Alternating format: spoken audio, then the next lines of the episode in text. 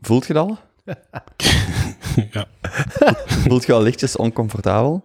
ja, ik voel zo'n lichte druk in mijn nek. Oh, heerlijk. En we zijn nog maar net begonnen. Jij mocht als eh, de... Ik wou zeggen als de Benjamin van de groep, maar je bent niet de jongste. Nee, er jij jonger? Eh, ik denk dat Kobe de jongste is. Van wat jaar zit jij? 94. Ik Ah jawel, jij bent wel bij... Ah, welk jaar? Ik ben het oudste aan. Van welke maand? 14, 11, 91. Oeh, dan zit jij effectief de jongste. Dat is, maar, ja, ik ben wel schattig ook, hè. Ja. Je zit, je zit super schattig. Maar dan moet je... Je weet de camera's daar. Ah ja, ik zeg je dat- schattig. Nee, je moet, ja, maar, ik ja, heb liever dat je gewoon naar mij kijkt. Ah, oké. Allee, op lange termijn is dat leuker.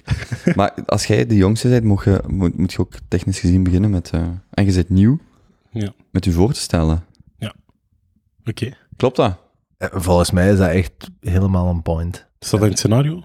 Ja, de Benjam- Benjamin heeft, eh, is met de tijd met een, met een eh, stappenplan gekomen voor de, voor, de, voor de Junto. Ja, het is zo dat de persoon die dat je nu eigenlijk de plaats van inneemt, Jonas, Ja. was vrij OCD. en als ik, als ik mijn persoonlijkheid moet eh, positioneren tussen extreme chaos Ja. en autistische OCD, zit ik, neig ik ook eerder naar de tweede categorie. Ah, oké. Terwijl dat Kobe volgens mij... Ik zat daar met twee paljassen. en jongens... Dus ik, ik palaverde een beetje over dit en dat. En dan keken die op een klok van... Kom op, Ja, structuur. Dus, dus we, hebben, we hebben geprobeerd om enige eh, orde aan te brengen in eh Kobe zijn eh Mm. chaotisch bestaan ehm, en zijn, eh, zijn ambitieuze eh, versie van de podcast. met, met die erfenis van het verleden ehm, hebben we dus nu een eh, introductie. Ja. En dan duiken we in de vragen en dan doen we nog wat ehm, housekeeping op het einde. Ja, vroeger starten we met de housekeeping, Ja. totdat dat eigenlijk escaleerde naar dat we drie kwartier bezig waren met housekeeping. Mhm. eh, en dat we dan één of twee vragen deden en dan was het eigenlijk harde Oké. stop. En wat is housekeeping? Dat is een beetje de, de ticketverkoop voor het feestje. Zo, zo, gewoon zo, zo, zo, wat zijn de cijfers, Ah, dat is- ehm, ah, ja, eh, Ja. aankondigingen, nieuw materiaal, dat soort dingen. proberen om eh, de Kobe in verschillende date-scenario's te brengen. Mm. Wij hebben ooit geprobeerd te doen.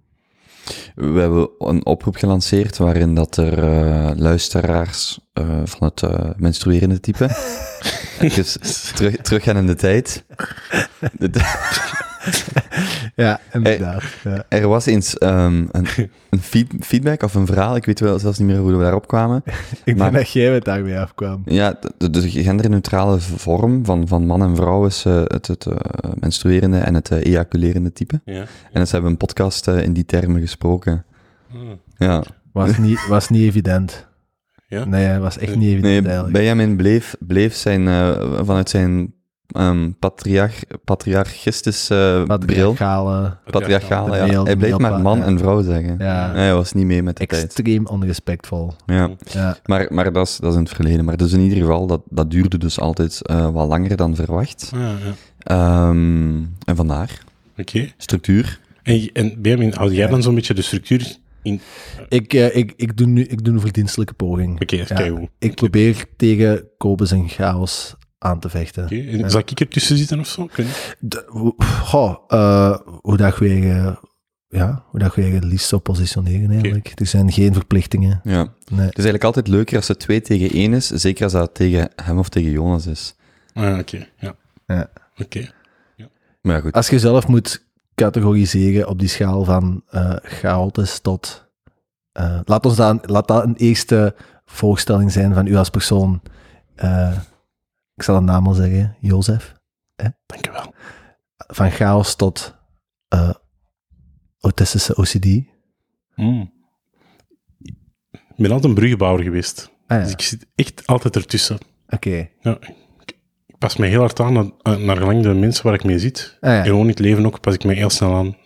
In het netwerk waar ik om zit of, of waar er noden zijn, probeer ik zo op in te spelen. Dus ik probeer echt alle gatjes op te vullen. Ah, ja. Ik heb dat altijd gehad.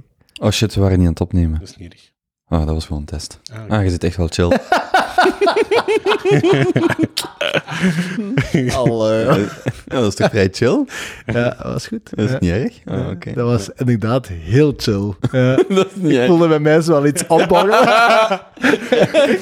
Ja, ja. Ja, ik voelde al enige frustratie naar boven komen. Ja.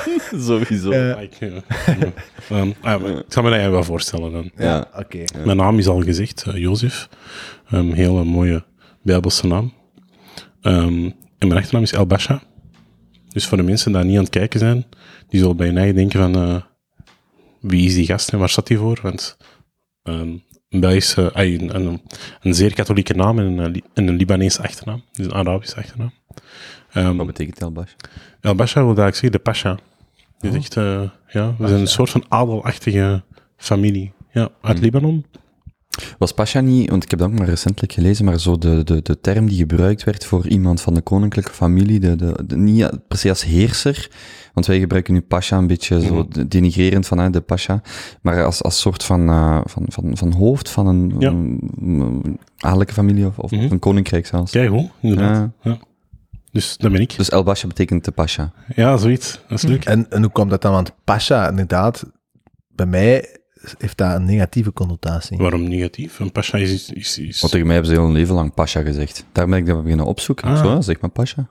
ja, is- waarom is het negatief? Mensen, Ja. mensen denken, oh, dat is iemand die daar wel gesteld is, die daar, die daar zo wat vrouwen onder hem, onder hem heeft, Nee, wat mensen maar onder hem... zijn in Limburg ook niet juist een Pasha of zo? Wel, constant. Ja, ja. Als je zo wat, wat lui waart of zo, Ah, zo oké, het ah, ja, bed ja, niet ja, uitkwam. Zo is zo typisch eh, Ja, Pasha. in de zetel. Pik in een, een damzak zo. Ah, oké. Ja. Juist een Pasha. Ja, Ja. dat, ben, dat ben ik niet. Ah, nee, oké. Nee, maar leuk om te horen wat de echte betekenis is. Ja. Oké, ga verder. Eh, ik ga verder. Ehm, dus ja, Libanees. Ik ben eh, ja, van 14, 11, 91, de jongste van de groep. Ehm, en voor de rest, eh, ja, ik ben Libanees, dus ik spreek vlot Arabisch. Eh, Libanees, ik weet niet of de mensen dat kennen. Hummus, tabbouleh. Mm, lekker. Ja. Ja. Wacht, zijn dat, andere, zijn dat dialecten? Waarom knikken jullie niet? Ja, dat ken ik wel. Ja. Dus uh, Libanees eten is heel bekend. Ik wil een beetje reclame maken over mijn, eh, mijn thuisland. Hebben jullie ook niet zo dat, allee, jullie, eh, de Libanese keuken, ehm, octopus, zodat heel zwart, maar zo'n soort van sausachtige octopus? Ah, dat weet ik Of niet. is dat mediterraan? Ja, zo. Ja, Ja, we hebben wel octopus, maar wel niks. eh. Hm. Is Taleb ook niet? jawel. Is? Squid Ink. Squid Ink. Dat- en die is, ehm, ja, dat is een Libanees. Ja. Oké, dus komen als een icoon is eigenlijk van uw eh, land van afkomst. Er zijn er nog een paar. Ja? Ja, tof. De Saifdien Amous. Ik weet niet Pardon? of ik zijn naam... eh, Was dat een gerecht of? Ah. Nee, nee. nee, dat is een band. ja, ja. Ja, Be- Benny is een beetje... Eh, Ja, oké. het is niet zo van de- wereldvreemd, hè. Ja, die is niet van deze wereld. Eh, Echt Limburg en dit. Die leeft in zijn Antwerpse bubbel en, en voor de rest. ja. ja. Ik ben eigenlijk van een campus, hè, maar... Ah, van ik, ja, sorry, man. en dan lacht ze. Ja. Eh, ja. Nee, maar dat is, eh, dat is ook eh, een schrijver. Een professor, eh, een econoom. Ah, ja. Die volg ik ook graag. Eh, ah ja, oké, dus ik zal mezelf nog verder voorstellen. Ja. Ehm, ik, Ja. dus ik ben eh orthopedagoog, jeugdcriminoloog van opleiding. Ik heb wat psychologie gedaan, een beetje rechten, alles wat daartussen zit van studies. Ehm, en wat heb ik daarna gedaan? Ik ben eh, jeugdwerker geweest. Ik heb als met jong, altijd met jongeren gewerkt. En ehm, dan ben ik eh, bij de politie beginnen werken. Inspecteur gewerkt, eh, als inspecteur gewerkt bij de politie. eh alles gericht op jongeren, in Borgerhout vooral. Dus eh, de wereld verbeteren, maar dan langs de kant van de politie. Langs de andere kant van de barrière waar ik ervoor altijd stond. Ehm, dus dat heb ik gedaan. Wil je het zien? Ja? Ja, jij jij hebt zo... De eerste keer dat we elkaar hebben ontmoet, had jij een heel, van een kikker echt een, een heel goed verhaal verteld. Nee. Is dat iets dat je op de podcast kunt herhalen, of niet? Welk verhaal is dat? Van die achtervolging in Borgerhout. Ah, ik weet dat niet. Ja, misschien zoiets. Ja, misschien zoiets. Als er een vraag... Er Ah, ja, komt dit- een vraag die dat daar wel Ja, eventueel voor Dit is trouwens de regel. Ik, eh, ik knip niet eruit. Ja, Behandelen dat als live radio. Dus als je, niet, als je twijfelt, zeg het niet. Ja. En als je denkt, ja, kan ik al vertellen. Ja. En als je in de problemen komt, ja, snap ik verhaal. Maar Jos, om een idee te geven, er is dus een, er is dus een vraag en die gaat... eh, even kijken... Ah ja, tweede vraag. Welk nieuw verhaal heb je recent horen vertellen dat goed is om aan te brengen in een conversatie? ik heb dat verhaal dat je mij toen Ah, hebt ah, verteld, dat je over mij bent. Ja. eh, dat verhaal heb ik toen echt al een paar keer aangebracht Ah, oké, oei. aan Ja. tafel. En sinds dat ik het heb gehoord. Leuk. Ja. Ik zal een ander verhaal vertellen dat, waar ik niet zo politiek mee achtervolgd kan worden. Ah ja, oké, prima. Hm? Dat is goed. Maar we komen er, we komen er straks aan. Ik zal u eerst nog verder laten. Eh, dus ja, wat nog? Eh, ik ben bij de politie gaan werken. Ehm, heel veel mooie dingen gezien, mooie dingen gedaan, minder mooie dingen gezien, minder mooie dingen gedaan. En dan ehm, altijd met mensen willen werken, mensen willen inspireren. Dus dan ben ik les beginnen geven op de hogeschool. Wat ik nu altijd doe, in het vak eh, jeugdcriminologie. Ehm, dus ja, ik geef les rond crisishantering en ik, ehm, ik heb me altijd gespecialiseerd in micro-expressions. Ehm, dus dat zijn eigenlijk non-verbale communicatietechnieken bij mensen, waar je kunt zien dat die zich voelen aan de hand van hun lichaamstaal en hoe dat die kijken, hoe dat die lachen, hoe dat die zitten. Hoe is zijn lichaamstaal op dit moment? Ja, ik weet niet, maar die heeft precies stress, ik weet niet waarom. Nee, nee, helemaal niet. Nee? nee. nee. Ça va? Ja? Ja, ja. Ja, want je werd er juist ook zo aan het wrijven door je been. Zo. Nee, dat is oké. Prima. Het is gewoon wat jeuk, maar dat is een ander. Ah, oké, daarmee. Ja, dat kan ik niet. Ja. Ik weet niet wat eh, dat zijn lichaam is van mij. Maar het is wel altijd, wat, wat- wat bij mij wel is, altijd, de vorige keer was dat ook als je zegt van ik ben gespecialiseerd in micro-expressies, Ja. dan voel je je wel zo altijd direct Ja, heel hard geanalyseerd. ja, ja. Ja, ja. dat heb ik wel. Ah, oké. Ja, misschien daarmee. Ja. Maar dat is oké. Is dat oké? Ja. Dus, ja, dat, is, dat doe ik. Daar geef ik les rond. Dus ik inspireer mensen rond uh, lichaamstaal is belangrijk. Maar vooral wat ik heel belangrijk vind, is om het goede in mensen naar boven te halen. De meeste mensen deugen. Ik vind, ik geloof daar ook echt. Ehm, die positiviteit. Ehm, ik heb zelf wat meegemaakt als ik jong was, mijn familie ook. En ik wil zo me niet laten vangen aan de negatieve, dus ik probeer elke dag mensen te inspireren. Dus of dat nu lesgeven is, of ik ben veel bezig met muziek, probeer ook te doen. Eigenlijk met alles wat ik doe. Ja, ik vind dat er een veel te grote klaagcultuur is en ik wil die doorbreken. Vandaag ook een podcast. Voor de Ja. allereerste keer. Denk wel. Ook voor de allereerste keer. Technisch zit je nu voor de eerste keer naar eh, mijn podcast aan het luisteren. Zeer technisch. Cool. Ja. Spannend. Dat is Inception eigenlijk, hè? Dat is echt zo. Ja. ja. ja. Oké. Pangelijk. Wilt jij nog iets kwijtkomen? Of moeten wij, moeten wij ons ook nog eens voorstellen? Ja. Ja, misschien wel. Ja. Jij zet een tweede Benjamin. Allee, ja, je zet een Ja. tweede jongste eigenlijk, hè, dus... ja. Ehm, ik ben Kobe. 10 10 91. Ah ja, leuk. Ja. Ja, gemakkelijk vooral. Ehm, ik maak deze podcast. Maar eh, een babbel gelijk deze is altijd heel chill, want ik ben niet de enige dat het moet maken. Dus eh, ja. Ik heb een half jaar geleden dan gezegd, ik begin die podcast te maken. We hebben zo een aflevering of tien van die Junto gemaakt.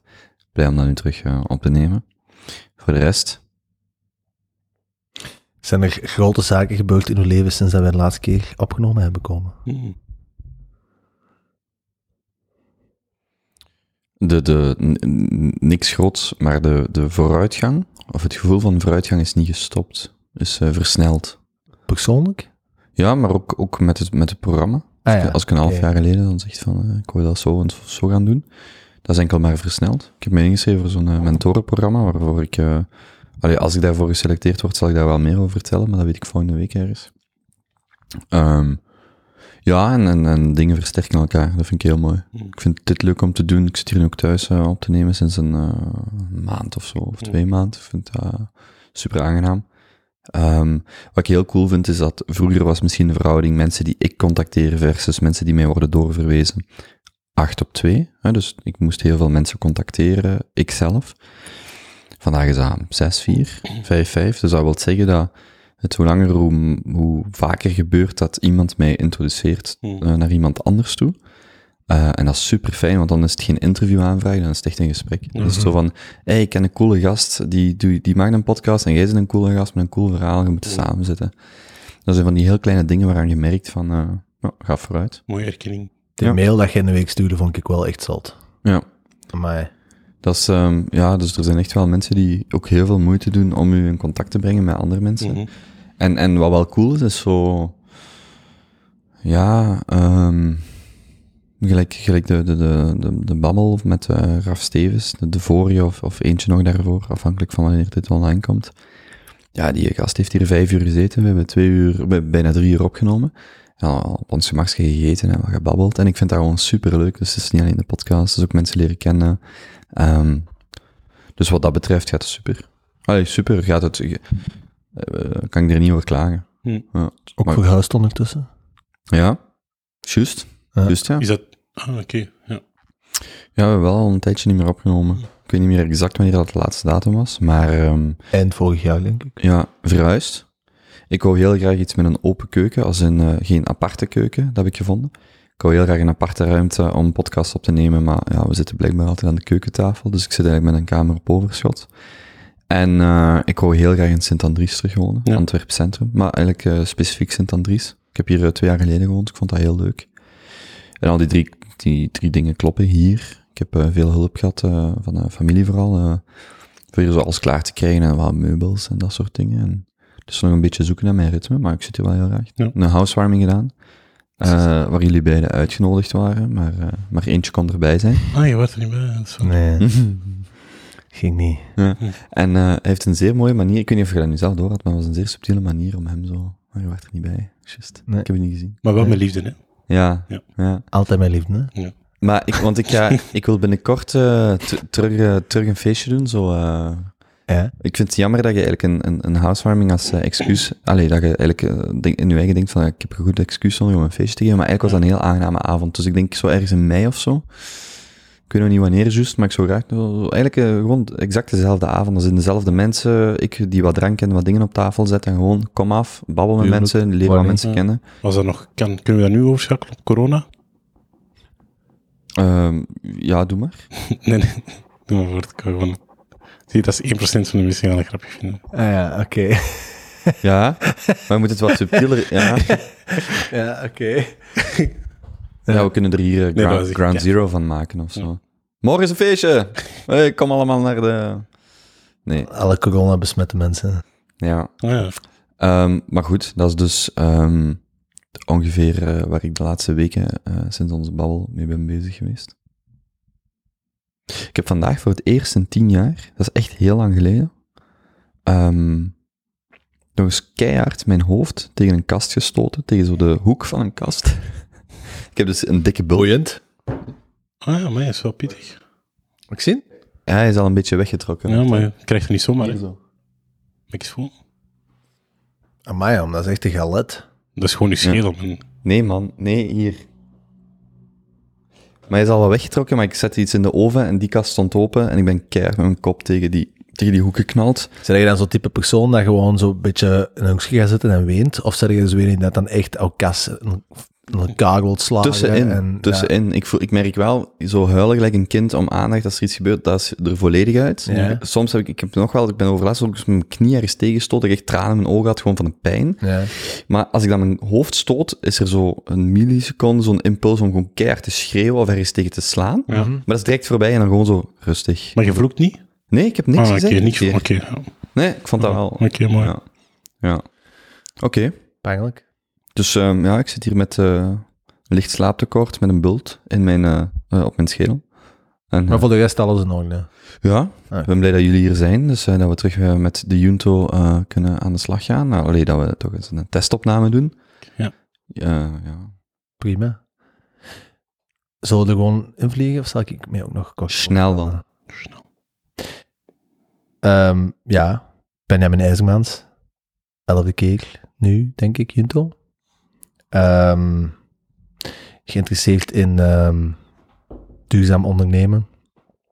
Waarbij dat, ik dan bedoel zaken starten die daar een positieve impact hebben op het klimaat. Ik woon vijf jaar in Antwerpen en ken Kobe nu ehm, twee jaar ongeveer of zo, Hm. tweeënhalf jaar. En dan via gezamenlijke vrienden een clubje, de Hinto Ja. club gestart.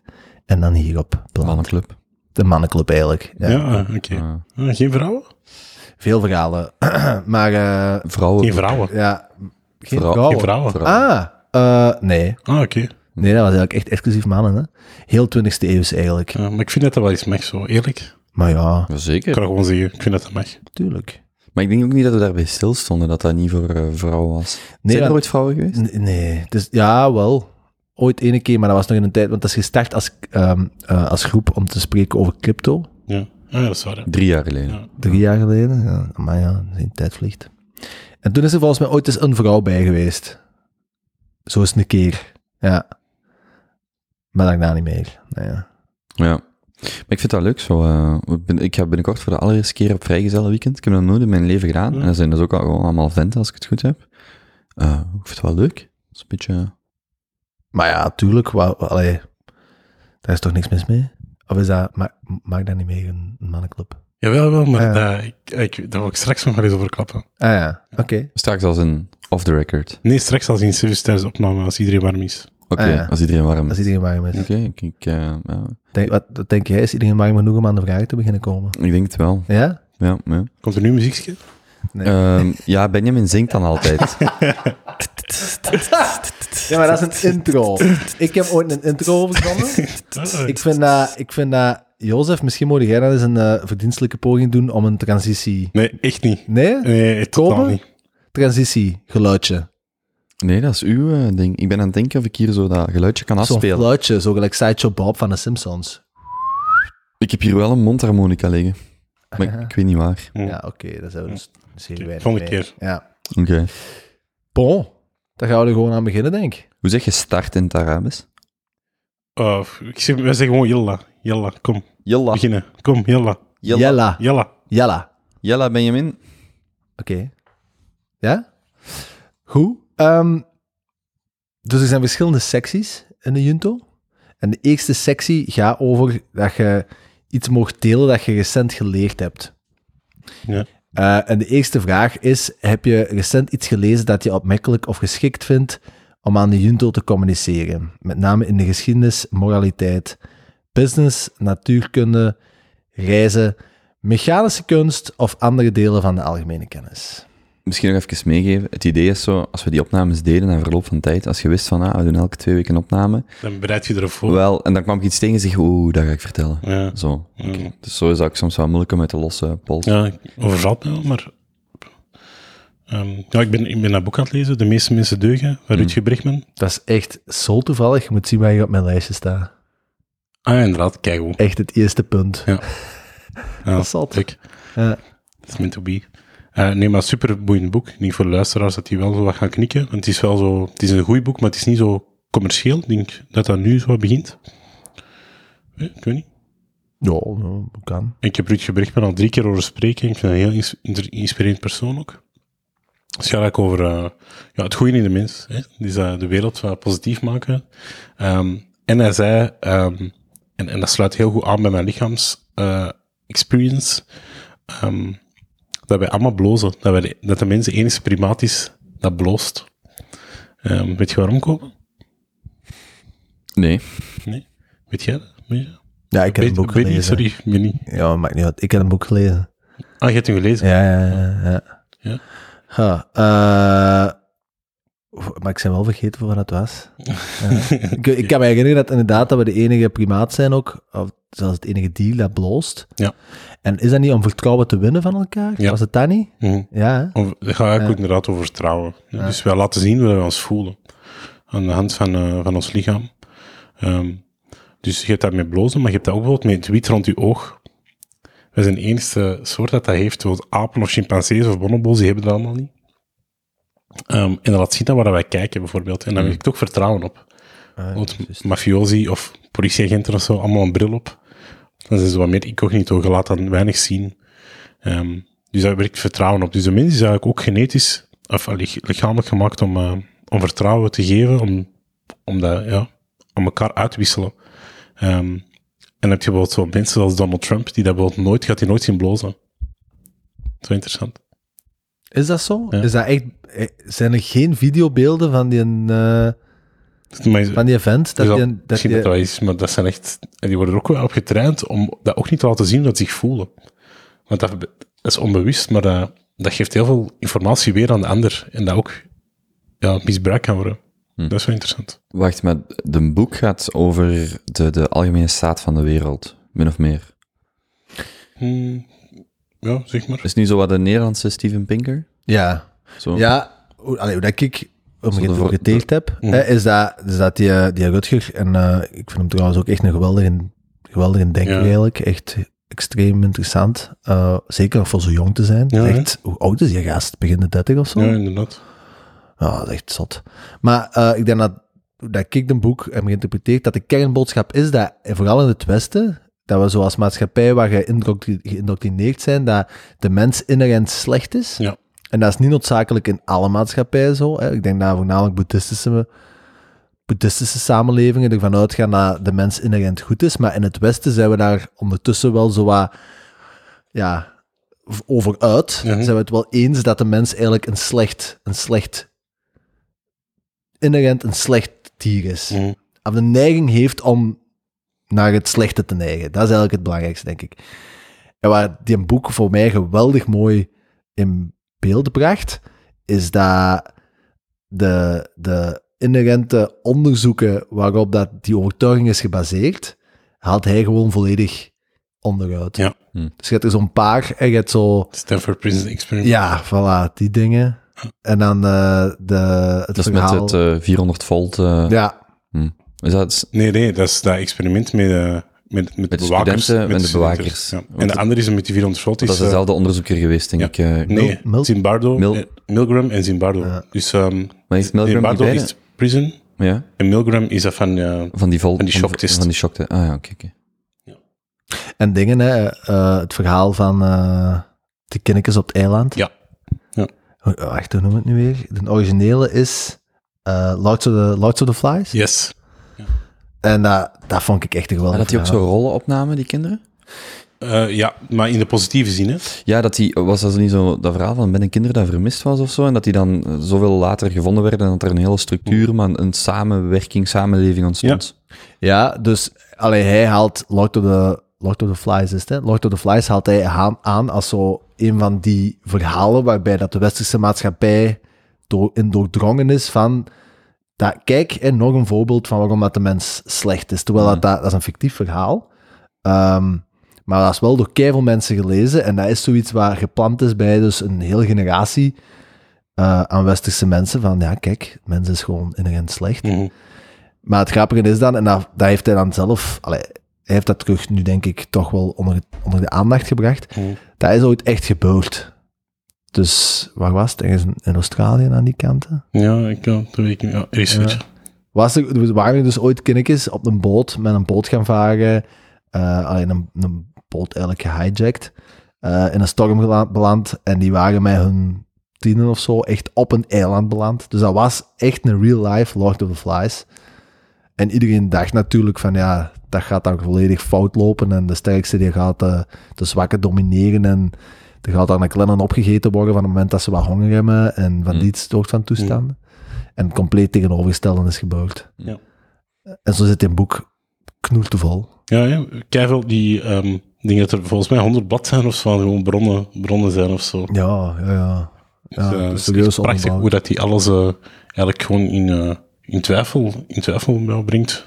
Heel mooi. heel mooi Is er een derde boek ook? Die andere van gratis geld? Ja, eh, dat heeft hij ook. En nog eentje, denk ik. Ja, en dan de derde ben ik kwijt. Ten eerste, heb ik nooit gelezen. Ik ben begonnen bij die eh, over UBI. Hm. Hm. Hm. Misschien moeten we die ook eens uitnodigen voor de podcast. Zo met Maar- een Junto Ik heb, die, al- ik heb ontmoet al eens, heel inspirerende man. En ik heb gezegd van, hé, vanuit ons beeld vanuit de politie, Ja? dus dat klinkt heel raar, maar wij, als je politieagent bent, dan ziet je ook alleen wat slecht in de samenleving, vaak. Ehm, en je begint er ook naar te handelen en ook naar over te denken. Dus dat is echt een eye-opener. Ik vind eigenlijk dat elke politieagent die boek zou moeten lezen. Mm. Ja, omdat je vaak in, dat negatieve, in die negatieve spiraal, in die negatieve wereld terechtkomt. Mijn broer is brandweerman en die zegt, de reden waarom ik niet politie zou willen zijn, is wij worden opgeroepen als brandweer om een probleem op te lossen en iedereen is blij als je komt. Terwijl de politie is er altijd iemand niet blij als je komt. Ja. Vaak, iemand is misschien blij en de ander is, je zit er altijd om, om, om, om in een eh, volatiele situatie Ja. rust te brengen, terwijl brandweer, ja, die komen af en die blussen een brand, maar er begint niemand ruzie te maken. Ja, dat klopt. Hij zegt, ja, als politieagent is dat super zwaar als je dan dat de hele dag zou moeten doen. Mhm. En dat, dat dan na die weken, maanden, jaren, je beeld ook serieus. Ja, je voelt dat wel. Ik voel dat zelf al op, eh, op een jaar tijd. Dat dat echt al... eh, Echt? na een jaar had ik echt al een, ja, heel veel vooroordelen in mijn hoofd al. Ik probeer me er altijd tegen te verzetten. En dat lukte wel, omdat ik mij goed liet inspireren met de juiste mensen, een goed netwerk had. Maar het gevoel dat dat systeem je echt wel naar beneden trekt. Wat is dat dan? Ah, het is weer... eh de ene dat te snel rijdt, zal weer een vent zijn, of er is weer een, eh, een, Ja. een, een, een overval, het zal weer een buitenlander zijn, zo dat Ja. soort dingen. Inderdaad, ja. Ja. Hmm. En omdat je er ook op richt, gaat je er ook meer, gaat er ook meer op pakken. Waardoor je het systeem mee in stand houdt, een vicieuze cirkel.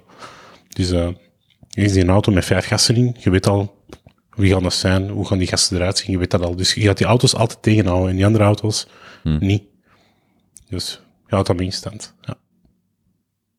Is- Kreeg je dat dan echt vanuit de opleiding dat je het moet volgen? Zat dat er eigenlijk zo wat mee in? Of was dat gewoon van collega's? ja, straatervaring. Ah ja. Oké. Maar het klinkt me echt... Een- zijn er dan vooroordelen, technisch gezien? Ja, tuurlijk. tuurlijk. Maar als, dat, als, maar als u... Je moet werken, we moeten vooroordelen hebben, anders kun je niet werken. Ja? Echt? Ja, je, ja, dat wordt wel gezegd. Je moet vooroordelen hebben, want je moet, als je, hé, laten we nu zeggen, kei zwart-wit, een terrorist, hè, Ja. je moet die kunnen identificeren en ja, gaat dat, gaat dat een blanke zijn? Kans, Statistisch gezien is de kans... een, blond, ja. een blonde met blauwe ogen, statistisch gezien, hè, als we nu in terroristentijden spreken, hè, niet over extreem rechts, hè, maar gewoon echt uh, islamitisch terrorisme, ja, de kans is groter dat dat een Arabier gaat zijn. Hè, en dan met een baardje misschien iemand dat dan ook nog de salafisme ehm, ja, uitstraalt. Mhm. Dus vandaar, eh, ja, je moet vooroordelen hebben. Anders kun je die job niet doen, want anders is iedereen verdacht. Maar wat ik wil zeggen is, als uw praktijkervaring die vooroordelen bevestigt, en welke Ja. was dan de lijn tussen vooroordelen en realiteit? Die is soms heel moeilijk. En ik merk dat ik mij er zelf vaak aan niet, eh, aan niet pakken. Dus ehm, ja, je moet je daar echt gewoon van bewust zijn. De bewustwording houdt je weer even eh, scherp. Maar dat is, ehm, als je vrienden ook allemaal politieagenten zijn, en je Ja. netwerk allemaal politieagenten zijn, dan trekt je elkaar altijd naar beneden. En wat, dat was bij u ook zo? Nee, bij mij niet. Dus ik Ah, heb ja. daar een goed netwerk dat, dat, dat mij liet zien, want het is niet altijd zo. Ja, ja. Veel politieagenten zien politie als hun, als hun familie, waardoor, dat je, eh, waardoor die vaak in hun eigen netwerk zitten en eh, zo blijven denken en heel rigide, rigide worden in hun gedachten. Ja, net meer rigide. Klopt. En is dat dan een van de voornaamste redenen waarom dat je zei daaruit gestapt? Ehm, ja, onder, onder meer omdat ik dat voelde, maar ehm, ja, tegen de rigiditeit ingaan is moeilijk. Dus mensen overtuigen dat dat niet zo is. En, Ah, ja. en, en zo de andere kant van de barrière laten zien. En, en dat is echt eh, was vrij vermoeiend, ja. ja. Zeker om, vanuit mijn Arabische achtergrond was dat ook nog wel eens een drempel. Dus jij was dan zo de, de flik die daar bij de andere flikken, als ze iets, eh, Hm. Iets niet oké zeiden, er tegenin ging. En, en die mannen, ja, Dat was niet altijd mijn slimste zit. daar gaan wij waarschijnlijk in zo'n korps niet heel populair mee maken. Bij sommige mensen wel, bij Ja. andere mensen hebben we niet. Ja, Ja. Er waren ook heel goede mensen, dus eh, de balans is ook belangrijk. Er waren ook superveel mensen die elkaar ook goed- om dat goed te doen. Mhm. Ehm, maar dat woog niet altijd op tegen de grotere mannen die er al jaren en dag zaten vanuit de Rijkswacht, vanuit die visie. ja, ja. Ehm, ja, dat was niet altijd simpel. En hoe werkt dat dan? Kun jij, kun je dan zelf kiezen dat je bij die, bij die personen voornamelijk zit die dat, die visie delen? Hm. Kon je zo zelf je, je, je, je groepje wat samenstellen? Of wie dat... Mm, ja, ongeveer. Je kon dat wel zo wat ehm, sturen. Ja. kiezen, ik kan in dat team of zo, ik kan, ik kan dat soort van functie doen. Dus ik heb gekozen om een wijkteam te doen. Eh, maar dan nog bots je wel tegen bepaalde zaken. En zeker ehm, omdat je met een politiek klimaat zit, dat je heel hard stuurt. Laten we niet zeggen war on drugs. ehm, word je wel gestuurd door, door politiek en dat stroomt af naar beneden. Dus politie is ook, ook een stuk politiek. Ehm, dus ja, je kunt daar zoveel doen op, op microniveau, maar als je macroniveau niet mee is, dan wordt het wel lastig. Mhm. Ja, Oké, Ja. jezus. dat is van het zien komen. Ah, ik ben aan het inschatten Wat zijn jij aan het inschatten? Ja. hoe dat hij zich voelt op dit moment. Of hij warm aan het worden is. Oh. Oh, ça va, zo. Ik heb de uitleg al veel gedaan. Ja? Ik was gewoon daar even over aan het nadenken. Je wacht aan het proberen micro-expressies te lezen. Onder andere. Ja. Dat mag, ja. Ja. En heb jij dan ook getraind, getraind om niet geanalyseerd te kunnen worden? Mm, Soms, zo, ja, ik, betrap mezelf er nog op dat ik nog veel fouten maak ook. Ah ja. Ja, maar ik weet wel, zo gro- grote lijnen kan ik wel controleren, maar andere zijn moeilijker. En hoe train je dat? Is dat in een spiegel? Ja, gewoon echt door te praten en terwijl je spreekt met iemand, na te denken hoe dat je nu zou kunnen overkomen. Hoe dat jij je eigen zou analyseren door de ogen van een ander. Ja, dat is echt niet simpel, maar dat is wel interessant. Heel meta. Ja, ik vind dat wel boeiend. Ja, sowieso. Ik heb dat, als ik vragen stel of als ik je veroordeel, Ja. probeer ik echt altijd, ik probeer in mijn dagelijks leven ook, ik probeer vijf vragen al verder te gaan. Dus als die A of B of C gaat zeggen, dan weet ik al wat ik daarop of A of B of C nog eens ga antwoorden. Dus eh kun je gesprek heel hard sturen, visjes gooien en aan de hand van vraagstellingen, aan de hand van ehm, bijvoorbeeld als je iemand opties geeft, wilt je dat doen of dat, A of B, dan kiezen mensen vaak voor het laatste, statistisch gezien. Dus als ik zaken voorstel aan iemand, dan kies ik vaak wat ik wil op B. Echt? Ja, je kunt dat sturen. Mensen kiezen voornamelijk voor de laatste Het optie. laatste. Ja. Mhm. En hoe komt dat? Jij weet dat? Ik, ik, ik heb dat jaren geleden eh, ook ergens eh, opgevangen en ben dat sindsdien ook gaan doen. Ja, ja, dat valt gewoon op. Maar gewoon van ergens, ja... Ja, En dat is niet 100%, hè? Nee, tuurlijk. Maar als je het, als je het ja... En wat is het idee? Dat, Ga- wat gaan we de verklaring daar? Gaan we naar huis of gaan we nog een drinken? Probeer het maar eens bij tien ja. man. Ja, weet je wat? Probeer dat eens. Ja, gaat dat merken. Maar, maar dat is gewoon proefondervindelijk dat je dat zegt. Dat is niet dat dat een... Ik heb, een- geen- weet, ik heb er geen wetenschappelijke achtergrond over. Ah, ik, heb ja. dat gewoon, ik heb dat ook geleerd, ook van mijn trainer. Iemand dat 30 jaar verloren deed. Ja. En eh, ik ben dat over beginnen pakken. En sinds dan eh, voel ik dat dat impact heeft. Procentueel heeft dat wel iets. Hij stereotypen in stand aan het houden. Hij heeft dat gewoon overgenomen. nee, maar eh, probeer het maar eens. Maar er zijn nog van die dingen dat, dat gewoon werken. De, de manier waarop je zegt, ik, ik weet niet de exacte voorbeelden, maar dingen ehm, uitdrukken, de, de manier waarop je cijfers uitdrukt, procentueel of, of met, al dat soort dingen helpt op de manier waarop dat, dat geïnterpreteerd wordt. Ik heb, eh, ik heb, eh, daar heb ik het denk ik ooit al eens over gehad in de vorige aflevering, maar bon. Ik zei, ik ben zo'n half jaar, ehm, tijdens mijn studies denk ik een half jaar is gestopt, verkeerde Mhm. richting gekozen. Voordat ik een nieuw studietraject heb gestart, ben ik een half jaar door gaan doorverkopen gaan doen. Je hebt dat nooit gezegd. Dat heb ik nog nooit gezegd? Ja. En wat dan? Dus voordat ik hier eh, in Antwerpen bij AMS was gaan studeren, heb ik een half jaar bij Peppermint. Eh, ja. Ken je die mannen? ja, die staan op straat verkopen krant, krantenabonnementen en zo. En eh, zo van Ja, UNICEF. toen of- als ik dat deed, waren, dat was dat alleen voor goede doelen. Ja. Dus UNICEF, 2WF, ja. eh, Echt lastig, geen, geen goede doelen komen. Ik heb dat ook gedaan voor UNICEF. Ah ja, Tien voilà. weken zo via Activate Me of zo, dan Ja. kantoor was dat. Dus ja. Ja, ja dat, maar ik heb het dus een half jaar echt quasi fulltime gedaan. En, eh, fulltime. Ja, ja. Je scriptje gaan Oh. aflezen van deur tot deur. Ja, maar jongen, ik verdien daar op een duur goed mijn kost mee. Hier, Want- onze duurzame gast. Maar ik vind dat kei dubbel. Dus je wordt betaald om voor een goed doel. Ja. Je verdient goed geld om voor een goed doel geld in te zamelen. ja, Maar dat vond ik nog niet zo, als ik dat deed, ik vond het nog niet dubbel dat dat, dat, dat Ja. de, de, de incentive eh, Ja. structuur was. Wat ik dubbel vond, is dat wij een script meekregen wat letterlijk van de eerste tot de laatste zin erop eh, bedoeld was om iemand een schuldgevoel aan te praten. Ah, dus dat was letterlijk de Ah, deur, letterlijk de deur aan, Ja, aanbellen. En mevrouw, wist u dat, Oh, oh, dat een inenting 40 cent kost? Dus kan u... En, en, dan, en zo, maar, maar echt een script dat wij moesten maar aflezen. ja, natuurlijk. En dat was echt... Daar had ik het moeilijker mee. En dat, dat, dat, dat, dat was dan eigenlijk hetgeen dat ik wou zeggen. Ik heb daar ook geleerd dat zo via bepaalde kleine, kleine aanpassingen... Ja, een wereld van verschil, hè. Ja, ah, ja, sowieso. stoeme dingen, Ja. gelijk... Allee, ik weet nog, dat we voor UNICEF... eh, toen heb ik anderhalf maand of twee maanden quasi fulltime op UNICEF gestaan. Mhm.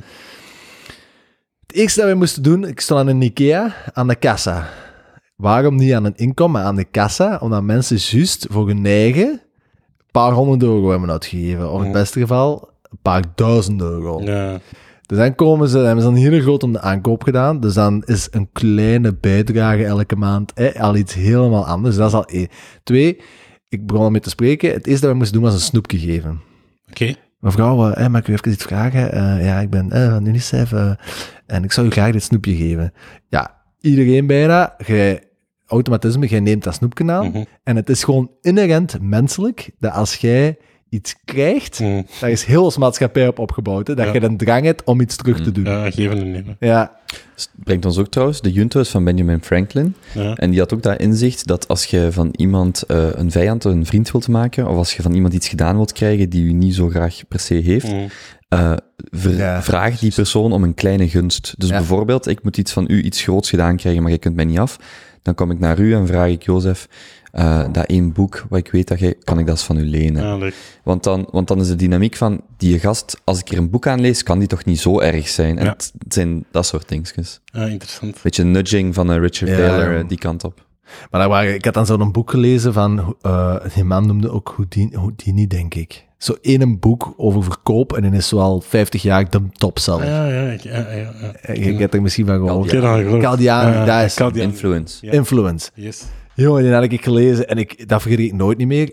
Voordat ik die boek had gelezen... Houdini? Ja, ik was ook Ja, ja. maar ik snapte... eh, dat- Ja, ik wist dat zoiets wel. Oh, ja, ja, ja, Eh, close, close enough. Houdini, ja. En, ehm, en ik vond dat hilarisch, want ja, ik had dus echt een heel goed eh, vergelijkingspunt. Ik had ze al een maand of twee aan het doen, ja, komen. Eh, voor, voordat ik eh, die boek las. En dan had ik die boek gelezen. En dan had ik systematisch zo die paar dingetjes beginnen toepassen. En dat ging echt gewoon maal Hmm. twee, hè. Ja, dat is leuk. Ongelooflijk, hè. Zo van die stoeme dingen, gelijk... Ik, dat, als ik, dat, dat was echt... Dat je mijn verkoop echt met, met 30% laten stijgen. Gewoon het stoeme ding van... ehm, wa- wat we eigenlijk wouden waren vaste, maandelijkse, eh, wederkerende donaties. Ja. Hè? En je moest dan zo'n dingen invullen dat ze... Contractje zo. echt. ja, hè, en dan, Domicilie. domicilie, ja, ja, gedomicileerd. en eh, en eh daar had ik een boek gelezen en hij had uitgelegd van dat je eigenlijk, wat ze in, in, eh, in heel veel winkels doen, is dat je de duurste, je gaat, je, gaat, je gaat op zoek naar een jeansbroek. Ja. Hè, Een verkoopster brengt u de eerst een broek van 180 euro. En dan is die broek die ze eigenlijk wil verkopen van 90 euro. Hmm. Is je dan volledig getriggerd aan Ja. die eerste. Dat is keuzes, Ja. Hetzelfde bij... Je moet dus letten op eh, de menus bij restaurants. Ja, je zet gewoon de duurste fles van boven, van 50 euro, en dan lijken die flessen van 25 Ja. euro al mee te vallen, Ja, waar dat je veel meer marge op pakt. Dat is niet te doen, Jan. Dus Ja. wat, wat, waar, waar ik dan aan het proberen, en waar ik uiteindelijk op beland was, was van, ja, ik leg dat helemaal uit, hè, dat scriptje, en dan, ja, hè, wij zijn eigenlijk op zoek naar mensen die dat ene keer per maand of ene keer per week samen met ons op straat willen gaan, voor ook dit soort van werk te doen. Ja. Ja, niemand doet dat, allemaal veel te druk. Ehm, en dan was er een tweede van, ehm, eh, ja, een tweede ook nog tijd. En dan, ja, oké, als dat echt, dan niet, echt niet, en dan hebben we ook een optie voor een, eh, dat hele ding. En Ja. ja, dat is ongelooflijk van die stoeme dingen. En dat heeft een gigantische impact, hè. Ja, dat is keigoed. Ja, dat is mooi. Ja, wat dat mooi is. Dat is- Forte kapitalist. Nee, maar ik vind het goed dat je erover nadenkt en dat je ermee bezig bent. ja. Ik vond dat heel frappant, hoe dat zo'n van die kleine, leerrijk. van die kleine Ja. dingen, hè. Dat is echt zot. Wat ik nogal mensen heb horen zeggen, is als je... Ja, ergens op Tim Ferriss is dat een paar keer naar boven gekomen van mensen die dan als ze jong waren deur aan deur verkoper van stofzuigers, ah, niet per se eh, in die context, maar Mhm. stofzuigers en wat dan ook. En, en wat daar altijd naar boven kwam is hoe frappant het is, hoe onbeleefd mensen eigenlijk zijn. En onrespectvol. En Ja. hoe vaak je gewoon de deur gewezen wordt. Ja. Maar, maar het verhaal was dan altijd, de eerste weken zijn keihard. Want iedereen smijt de deur in je gezicht dicht. Maar eens dat je daar, eens je, dat was de context, eens dat je je over die nee kunt zetten, dat niet persoonlijk nemen, is dat echt, doe dat een half jaar en je bent dan stopbaar. Als in, een, een nee doet u niks meer. Als Ja. jij vandaag, als je er geen ervaring hebt en je, je moet je eigen productdienst moeten gaan verkopen en iemand, en je krijgt constant nee, dan zeg je, oh, het ligt aan mij. Maar die gasten zeiden, nee, nee, doe dat een aantal maanden en nooit nog in je leven, want je leert dat gewoon dag in, dag uit. Bam, bam, bam. Ja, ik kan dat wel beamen. Ik denk dat echt, ik denk dat dat is de beste va- vakantiejob sowieso dat ik ooit heb gedaan. Maar ik denk ook echt, als je elke student in Vlaanderen duizend, twee, drie maanden zou gaan laten doen, hè, ik denk dat dat een geweldig positieve impact zou hebben op de maatschappij in het algemeen. Ja, ja, omdat die voelen hoe dat is. Ja, maar ook omdat, gelijk als Kobe zegt, je, je, je traint jezelf in goed om te gaan met... Zo weerbaarheid, ja. Ja. Ja, klopt. Alleen, want wij deden echt 120 deuren op een dag of zo Ja. per persoon. Hè. En je had, als je chance had, als je echt chance had, had je zes verkopen, zo zes Ja. Ik denk dat, want dan, degene die dan het meeste verkocht op een dag, die kreeg dan ook nog een bonus. Hè, Ja, van de tien ja, mensen waarmee je een shift ging verkopen. Ik denk dat het hoogste gemiddeld ook zo wel 9 of 10 was. En gemiddeld 4, 5, 6, 7 abonnementen dat je verkocht. Van 10 euro per maand. Wel Maar abonnement. Dus 114 keer op een dag kreeg je gewoon echt, die gaan we uitleg, kreeg je die deuren nou gezicht. En want dat gewoon, ja, je, je leert echt Hmm. omgaan met, met aversie en met, met tegenslag. En dat dat heel belangrijk is. Plus, je leert verkopen. En ik denk, hoe dat je dat draait of keert, dat is wel kei belangrijk. Hè? Ja. Wat dat je ooit gaat doen in het leven, je, je moet wel ja, kunnen verkopen. Je hoort het al, Benjamin zijn kleine wordt later eh, deur aan deur verkoper. Ja, maar ik vind, nee, dat zeker niet. Als je dat hele leven moet doen, dat is iets anders. Maar als je Nee, een maar paar wel- maanden zou gaan doen, zou Ja, ik niks zeker. mee inzetten. Hm. Ja, ik ben wel akkoord. Oké. Be- Begint je al een beetje de flow van de, van de Juntot te, Ja, te voelen? ja zeker. Het is zo'n beetje zeven. We zitten een uur ver. Nee, Jezus, ik niet, niet een uur. Drie kwartier. Nee, nee, we zijn niet om acht uur. We hebben nog niet over corona gesproken. We nee, je hebt het wel al twee keer. Dit is de tweede Dat is keer. mijn humor, zie je. Maar eh, Ik was wel- ik was wel vandaag zeer opportunistisch aan het denken. Ja. Van ja, als iedereen binnen blijft zitten, op zich is dat niet slecht voor de cijfers. Hè? Als eh, mensen dan meer content. Dat, nee, wacht, ik las ergens dat de, de, de impact van het virus, of het impact van zoiets als het coronavirus, de eh, consumptie van eh, Netflix, Spotify, alleen maar de hoogte jaagt, want mensen blijven binnen en mensen willen vertieren binnen. Dus voor bioscopen zeer erg, voor de Netflix van deze wereld zeer goed. En als ik daarover nadenk, maar eigenlijk, misschien moet ik zo zo'n eh, corona, uh, allee, zo Ja. een plannetje maken van, hey yo, hier is een podcast, eh, de, de, weet je, zo, ik was er gewoon aan het Je nadenken. ziet toch Hmm, de leuk. podcasters, die springen er toch allemaal op. Ah, dat gebeurt. Maar ik bedoel Ja. nog niet, maar ik bedoel nog niet... Vandaag alleen al Joe Rogan een aflevering, Sam Harris twee afleveringen al. Tim Ja, ja, maar ik bedoel, niet, ik bedoel niet louter inhoudelijk van ga met een epidemioloog spre- spreken, wat ik ook eigenlijk wel wil doen, maar louter al gewoon dat je, dat je weet, de komende weken en maanden, drie tot zes maanden, is de kans dat, dat die kleine, bijvoorbeeld podcasting in België, dat is een niche-markt, Dat, maar dit, dit is daar een, een, een, ja. Waar is een- ja, een steun, dat kan alleen maar helpen. Mhm. Bijvoorbeeld, Ah, ja. en, om, om, om, steun. dat weten we voor in de toekomst. Ja. Bijvoorbeeld, ik kreeg vorige week een mail van iemand die ik al langer wil spreken en die zegt, eh, in april zijn al mijn vluchten, al mijn internationale, iemand voor het eh, Europese Space Agency, Ah, die zegt, eh, ik, ehm, ehm, al, al, al, al, al mijn dingen zijn afgezegd in april, dus in april heb ik veel meer tijd als je wilt babbelen, dus dat is ook de keerzijde van, ja, veel dingen worden afgelast, wat ook wil zeggen dat mensen in de komende zes, acht weken veel meer tijd in hun agendas hebben. Oké. Ja, ja. Maar dus, Jozef, jij eh, zou het eens graag hebben over eh, de corona. dat gaat dus, hè, want in vraag 1 mogen we dus ook iets delen over de natuurkunde. En corona is, naar mijn idee, nog altijd... eh, Natuurkunde is fysica, hè, Benny? Dat is niet biologie. ah ja, dat is waar. Een virus is biologie, hè. Dat is waar. Misschien chemie, maar biologie. ja, inderdaad. Oké, Maar- dan is het voor later. ja, dat lachje, dat is wel.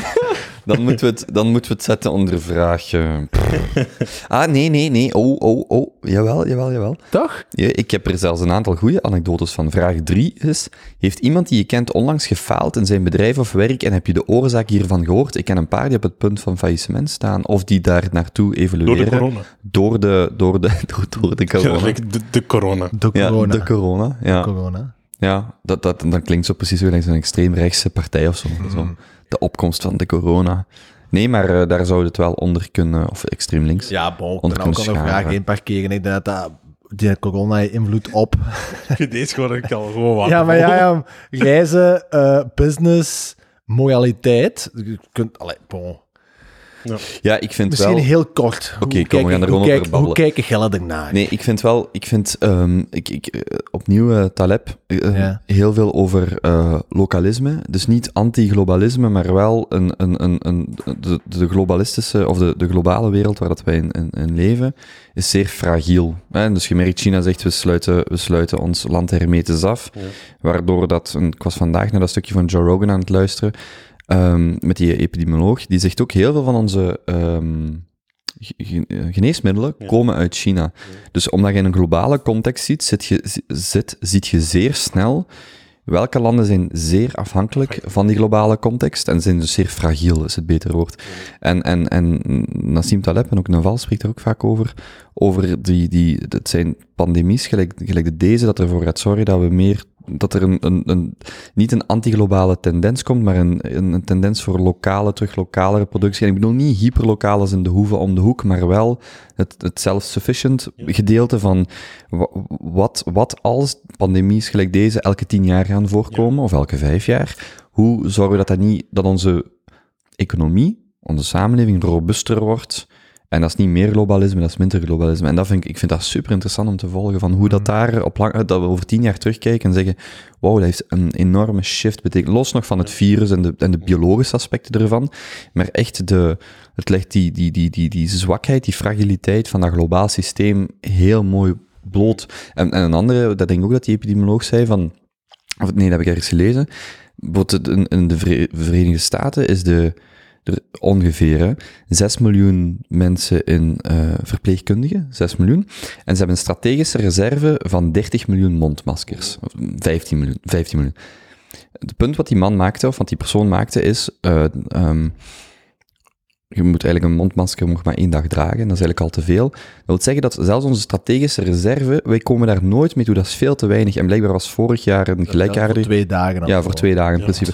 Vorig jaar iets zeer eh, gelijkaardigs met de IV-tube. Of de, er is gewoon niet genoeg materiaal. En wat je ziet, wat die Balaji op, eh, op Twitter eh, heel veel vertelt, is waar dat hij heel hard nu op duwt. is we zouden, zeker in de, in- in de VS met de FDA, maar ook in, Europa, we hebben zoveel wetgeving rond farmaceutica die al dan niet terecht is. Maar hij zegt, we zouden zijn punt is, we zouden dat moeten opentrekken, zodat mensen vandaag, er zijn, er zijn letterlijk 3D-plannen, plannen voor 3D-printing van eigen respiratoire ehm, ehm, toestellen, van, van eigen mondmaskers of equivalenten daarvan.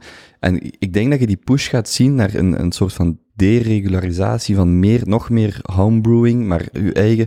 Dus die, die hele 3D-printing, heel, heel dat lokaler produceren, dat minder afhankelijk zijn van wat we importeren uit het buitenland, dat dat echt de komende jaren stevig gaat eh, een boost krijgen, Mooi. denk ik. Ja. Maar ja, ik heb nog maar een stuk geluisterd van Joe Rogan, maar die gast, wat zei die? 95% van alle geneesmiddelen in Amerika Hm. komen uit China. Mhm. Want, hij, want daar vond ik een zeer goed voorbeeld. Hij zegt, stel u voor dat het Amerikaans leger zegt dat 95% van onze kogels Ja, uit China ja. komt. Dan zeg je, dat bestaat niet. Dat, dat gaat gewoon niet. Maar wel onze geneesmiddelen wel. Dat En dan ook, en dat vond ik ook een zotte van die gast, die eh, had dan blijkbaar drie jaar geleden een boek geschreven over hetgeen dat nu aan het gebeuren is eigenlijk, gevaarlijke virussen eh, slash eh, pandemies. En daarin haalde hij al aan van, kijk, als er ooit een serieuze komt, er is een bepaald onderdeel voor infusen te kunnen toedienen, een bepaald plastiekje of zo.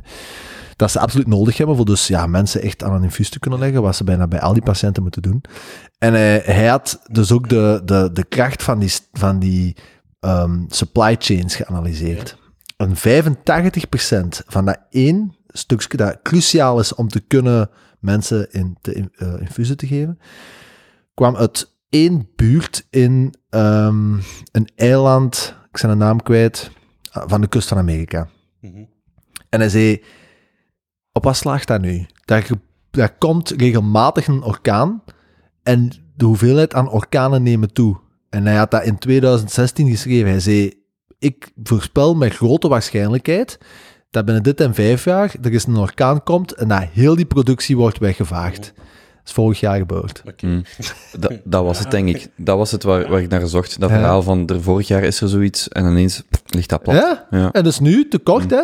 En ik, allee, Mm. ik geloof dat ook wel. Ik denk dat dit, wat er nu aan het gebeuren is, dat dat...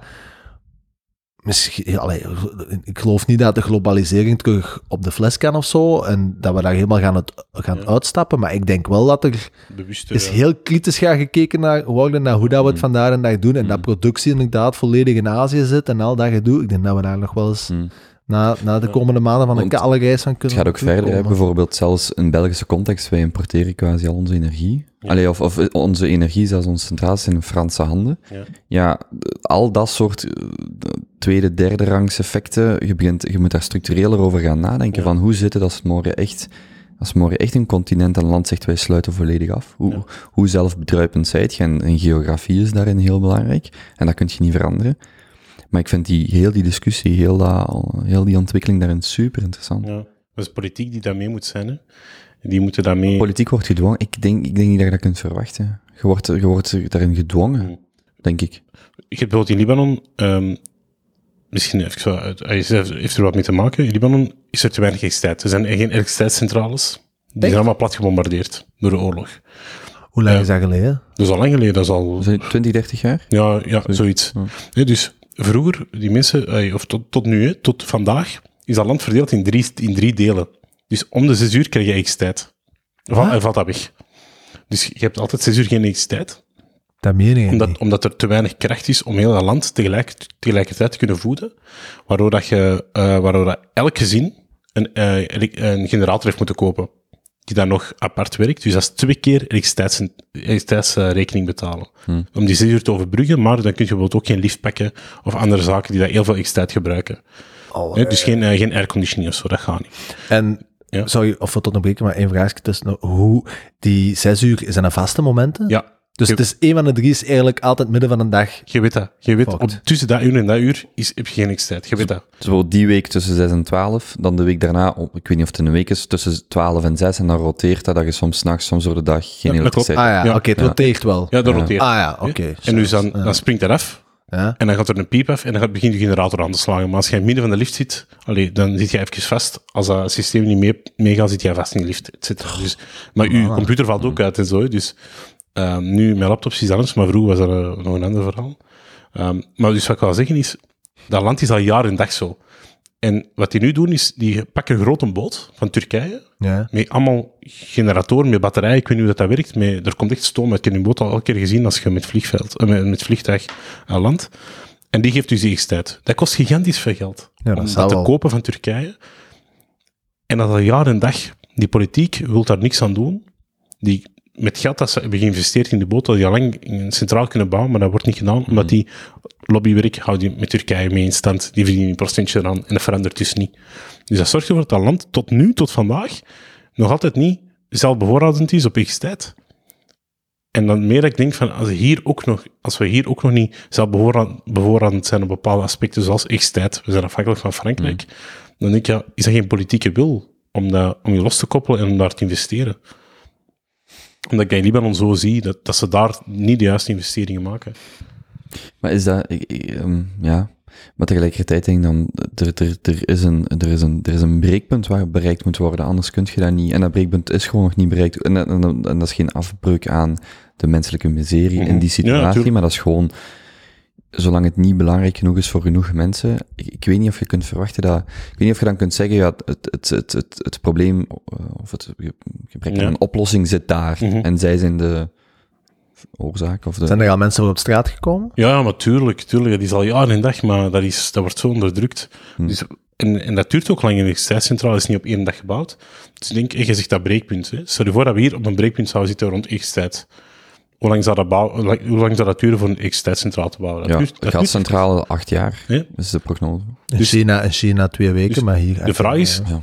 Allee, moeten we wachten op dat breekpunt? Of moeten we Mm. niet anticiperen erop? En weten dat, dat, dat, dat, dat we afhankelijk zijn en daar nu op, op, ja, op inspelen? Is maar ik, ik vind het wel frappant om te zien dat op veel punten lijkt het alsof dat de economie en als ook energiegewinning Ja, ja. meer en meer aan het evolueren is. En dat had ik persoonlijk niet gedacht. Naar een gedecentraliseerd systeem. Ja? Ja, kijk naar de nieuwe energiebronnen.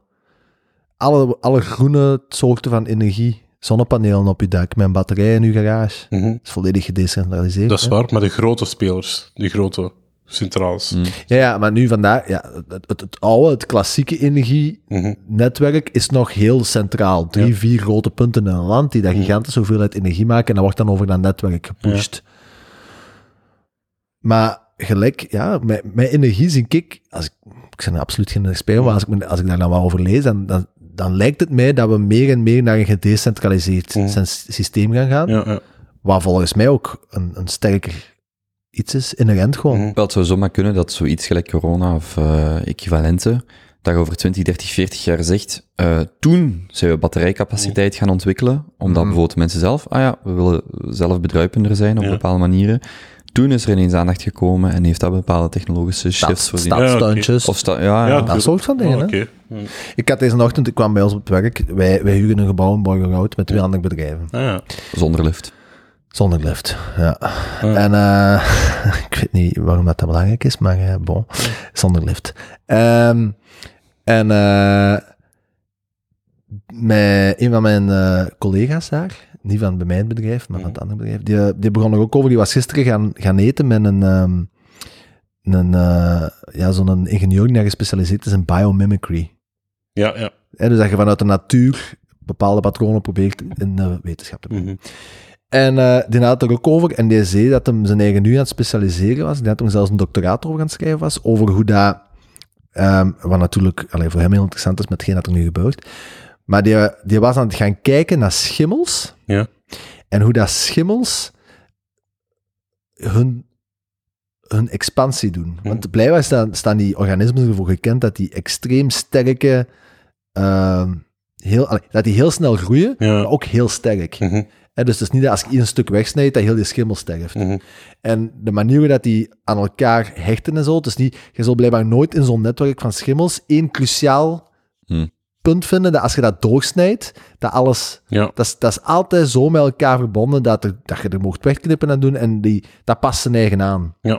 En die was dat nu aan het proberen, als ik het goed begrepen heb, want ik heb er niet heel lang over kunnen praten, maar die, is, was dat soort van structuren die aan het proberen ehm, over te brengen op het, op het bedrijfsleven. Ja. En er zijn blijkbaar al voorbeelden van bijvoorbeeld in Spanje, nadat daar de crisis is geweest, zijn er bepaalde eh boerenregio's die daar zich zijn gaan groeperen en die daar zeggen, kijk, wij, ongeacht wat de overheid zegt, maakt me niet uit, maar wij hebben ervaren hoe dat het kan keren, hoe plots en hoe snel dat het in één keer hier het water aan de lippen Ja. kan staan. Dus wij gaan elke maand zoveel procent van onze omzet in de gezamenlijke pot steken. Ja. En het is zelfs zo dat ze nu blijkbaar aan het kijken waren van, ja, oké, maar ja, als wij als, alleen als ene sector dat doen, dan zijn we eigenlijk nog altijd meer risicovol als dat we er andere bepaalde, eh, nog, het moet wel iets met raakvlak hebben, hè, Ja. maar als we er andere eh, partijen bij gaan betrekken. Bijvoorbeeld, eh, wij zijn een biologische boer en ik haal mijn biologische ehm, anti, eh, ik zeg maar iets, anti onkruidverdelger van een bepaalde fabriek. Dat is toch weer al een iets of wat diversificatie en dat die zich daar dan bij aansluiten. En dat blijkt dus gigantisch goed te werken. Ja. En hij haalde aan van, moeten wij dat ook eens niet bekijken, want zei, zijn ze ook bezig met sociale zaken en zo, van dat we misschien in Antwerpen een collectief opstarten van bedrijven die daar gelijkgezind zijn, naar een bepaalde manier naar de, naar de zaken kijken. Mhm. En dat je zo'n pot opstart, en als iemand water aan de lippen heeft, jij mocht die uit de pot pakken. Ja. En dan moet niks Ja. overheid of niks verzekering of gewoon Maar doet van mij, doet mij ook nog aan iets anders denken, dat Ja. bijvoorbeeld de uitrol van 5G, iets heel anders, maar dat blijft op federaal niveau steken. Mhm. Dus de haven van Antwerpen zegt, wij zijn baas hier, wij rollen ons eigen 5G-netwerk Ja, uit. klopt. Maar ook zelfs, niet louter de haven, maar als je denkt aan de storm op Pukkelpop, of dat soort, hè, je hebt georganiseerd een groot evenement, na het coronavirus, dat je, dat je perfect kunt zeggen, wij zetten gewoon ons eigen net, wij zijn niet afhankelijk van de hulpdiensten, waar dat, waar dat, allee, we zijn afhankelijk van de hulpdiensten, maar niet van die communicatie, Ja. wij zetten onze eigen netwerken op, en ik denk dat die push, dat je dat op heel veel niveaus gaat terugzien, die, die, die, een, een, een relokalisering van bepaalde diensten, oplossingen. Hmm. Maar ik ben wel akkoord. Maar wat ik dan mis is dat, dat overkoepelen, die federale bijvoorbeeld, of, of de internationaal, dat, dat, dat die gewoon niet sufficiënt werken, dat die gewoon niet... Maar is dat niet omdat ons leven te goed is? Ja, dat de nood niet hoog genoeg is? Ik, ik, ik, weet niet. eh, Nee. Maar niet noodzakelijk zo. Hè. Er zijn ook landen waar dat het nog beter is als hier. Ik denk maar aan alle Noorse... Ja, maar dat is geografie, je kunt dat niet vergelijken. Ja, maar hoe? Omdat, omdat je kunt. Ja, maar uw argument is dat dat niet marcheert op federaal niveau hier, omdat we het te goed hebben. Maar Zweden, Noorwegen, Finland Dat is een hebben, het, hebben het Dat is een nog... vraag, dat is geen argument. Ah ja, oké. ja, maar dat is uw vraag. Maar dat lijkt me een beetje raar dan. Snap je? Vanuit dat standpunt. Ja, ik, ik, ik vraag me dat gewoon af. Omdat als, als, wanneer is de nood hoog genoeg om, om verandering eh, te brengen? En ik, ik heb niet gevoel dat die nood gewoon hoog genoeg is. En, en dat vond ik het meest frustrerende een paar jaar geleden bij de verkiezingen, als het over energie ging. ja. dat we tegen 2025, ge- ah, het- dat, dat was een hele Ja. discussie, dat ik echt dacht van, ehm, de, de nood bij die, bij die politici op dat thema is gewoon niet hoog genoeg. We zien dan wel. En dat dan de factuur hoger wordt of we nog Mhm. meer afhankelijk zijn, ja, dat, dat lossen we dan wel op. En, Ja. en daar dat, is- dat is de, het punt waaruit ik die, dat, dat idee, of die redenering maak van, zolang dat dat niet eh, ingrijpend genoeg is, ja. is, die is de wil om te veranderen, of de mogelijkheid zelfs om te veranderen, niet. Ik weet het niet. Ja. Ja. Maar die wil, ik denk dat wij gewoon heel snel die snelle behoeftebevrediging constant nastreven. En politiek is het ook, die leven ook echt van termijn tot termijn. Die kijken niet meer op lange vier termijn. jaar of vijf jaar. En dat zorgt ervoor dat, ehm, dat wetenschappers, mensen, echt professionals, gelijk dat wij ook zijn voor een stuk vanuit ons vakgebied, wel zien waar de nood heel hoog ligt en waar we moeten inspelen, maar dat, dat zij die keuze niet maken omdat zij vanuit hun perspectief en vanuit hun eigen persoonlijk gewin handelen. En dat, dat stoort mij en dat heeft mij altijd gestoord. Dat zijn gewoon incentives, hè. Je wilt Dus herverkozen als, jij dan, raken. als jij dan zegt van, waarom maak je die keuze niet omdat we te goed hebben? Nee, ik denk gewoon dat mensen gewoon egoïstisch zijn. Maar is dat niet Ja. een kort op de bocht? Maar, allee, Ik ga er niet mee maar zo- akkoord. als ik nu... Ja. Ah, Allee, ik heb nu over laatst, opnieuw, het is een beetje de rode draad, maar eh Rutger Breegman Ja, heeft ook een podcast, de Rudy en Freddy Show. ja, ja. Ik weet niet of je die kent. Nee. Ja, pangelijk. Ik heb hem zelf maar een maand geleden ontdekt, maar ik heb hem direct de tien geluisterd of zo. En een van die hun gasten was de, de grootste Nederlandse eh, Europese poli- poli- politicus. Hm. Dus een van de groene jongens uit Nederland. En die zit op het hoogste niveau in de Europese Commissie. Ja. En die kwam ook uitleggen... Eh, ehm, wie? Wie? Dingske? ik zijn naam vergeten. Ja. Ja. En ik denk dat daar, ik denk dat daar was dat, dat dit verhaal kwam. Of bij Zwijgen is geen optie. Hebben ze overlaatst ook nog een hele grote Europese politicus gehad. Of, maar maakt niet uit. De essentie was dat die man vertelde dat eh, in België zijn wij blijkbaar heel goed in de nieuwe technologieën als eerste te vermarkten. Mhm. Dus wij waren bijvoorbeeld ver voor dan Nederland, hadden wij quasi al heel de Noordzee volgebouwd met windmolenparken. Ja. Wij zijn nu opnieuw weer met die waterstofcentrales op lokaal heel klein niveau, zijn wij opnieuw bij de KUL echt wereldtop. Ja. En hij zei, wat je ziet, is dat dat is iets dat steeds terugkomt. Dus België, dat begint heel goed. Hè? We zijn echt koplopers. En dan moet dat doorgetrokken worden op federaal niveau. En daar loopt dat helemaal spaakzeker. Ja. En als we dan kijken, hè, 30, 40 kilometer van Antwerpen verder, is, kijk, zitten we bij de Noorderburen.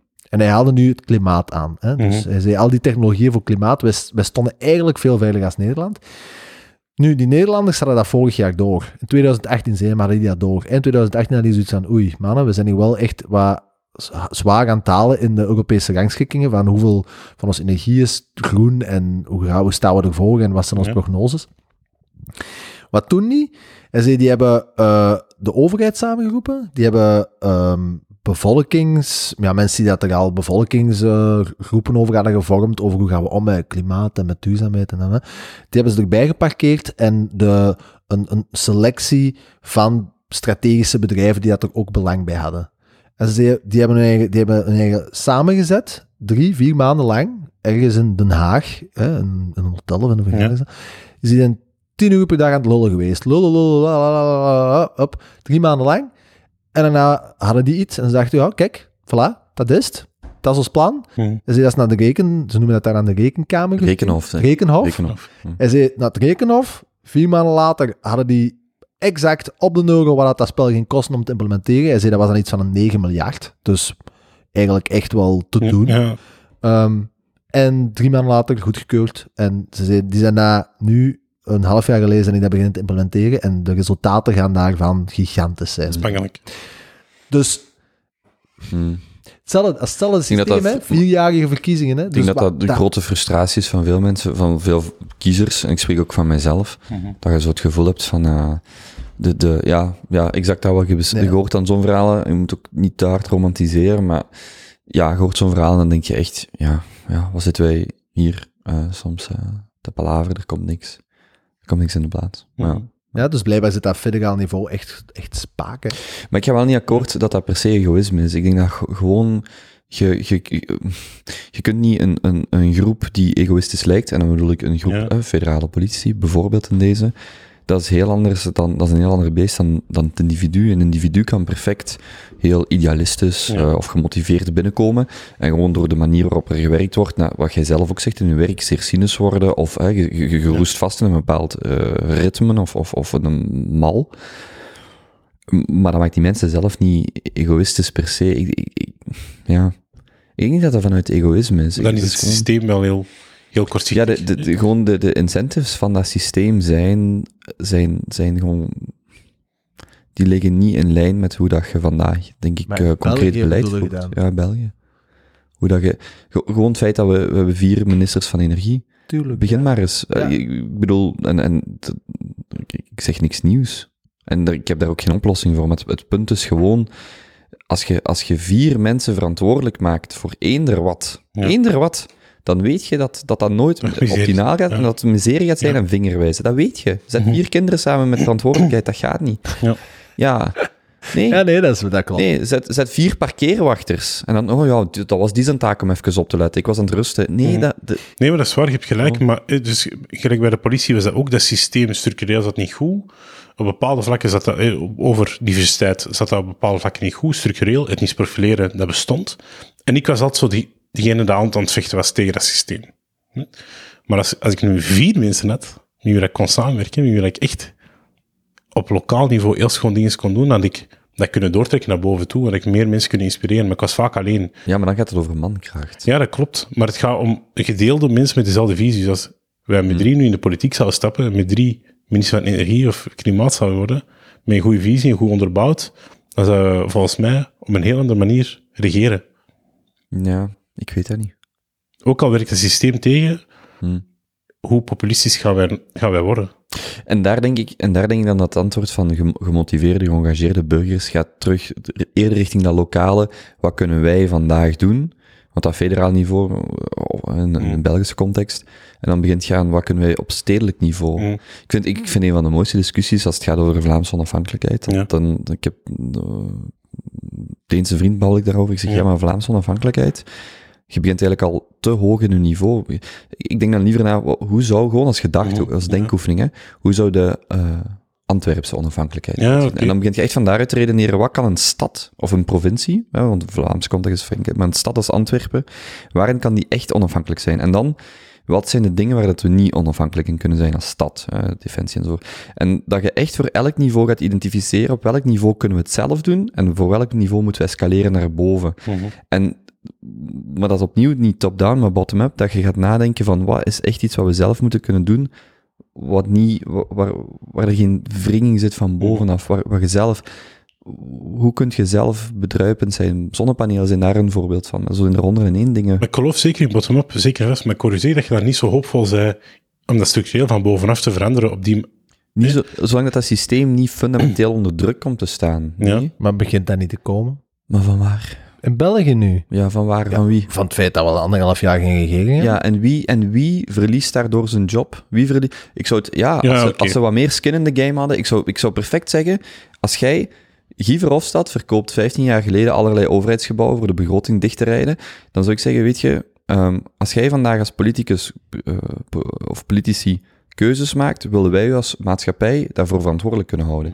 Dus het feit dat de, de, de volledige, voltallige regering van de laatste federale regering van de laatste vijf jaar, iedereen die daarin zat, als je over twintig jaar, de, de, de, de- de- kunt het de rekenhof, of bij ons heet dat de, de, Rekenkamer. Reken, ah, rekenkamer, ja. rekenkamer kunnen laten Rekenhof nadenken. ook, denk ik. Ja, je kunt dat perfect laten, je zou dat perfect kunnen kwantificeren, dat je zegt, kijk, jullie vormen een regering, jullie worden daarvoor betaald, maar de gevolgen van uw wanbeleid zijn ook op u. En de eerste wiens, eh, als de pensioenlast te hoog wordt, de eerste wiens pensioen we terugpakken, zijn die van de mensen. Nee.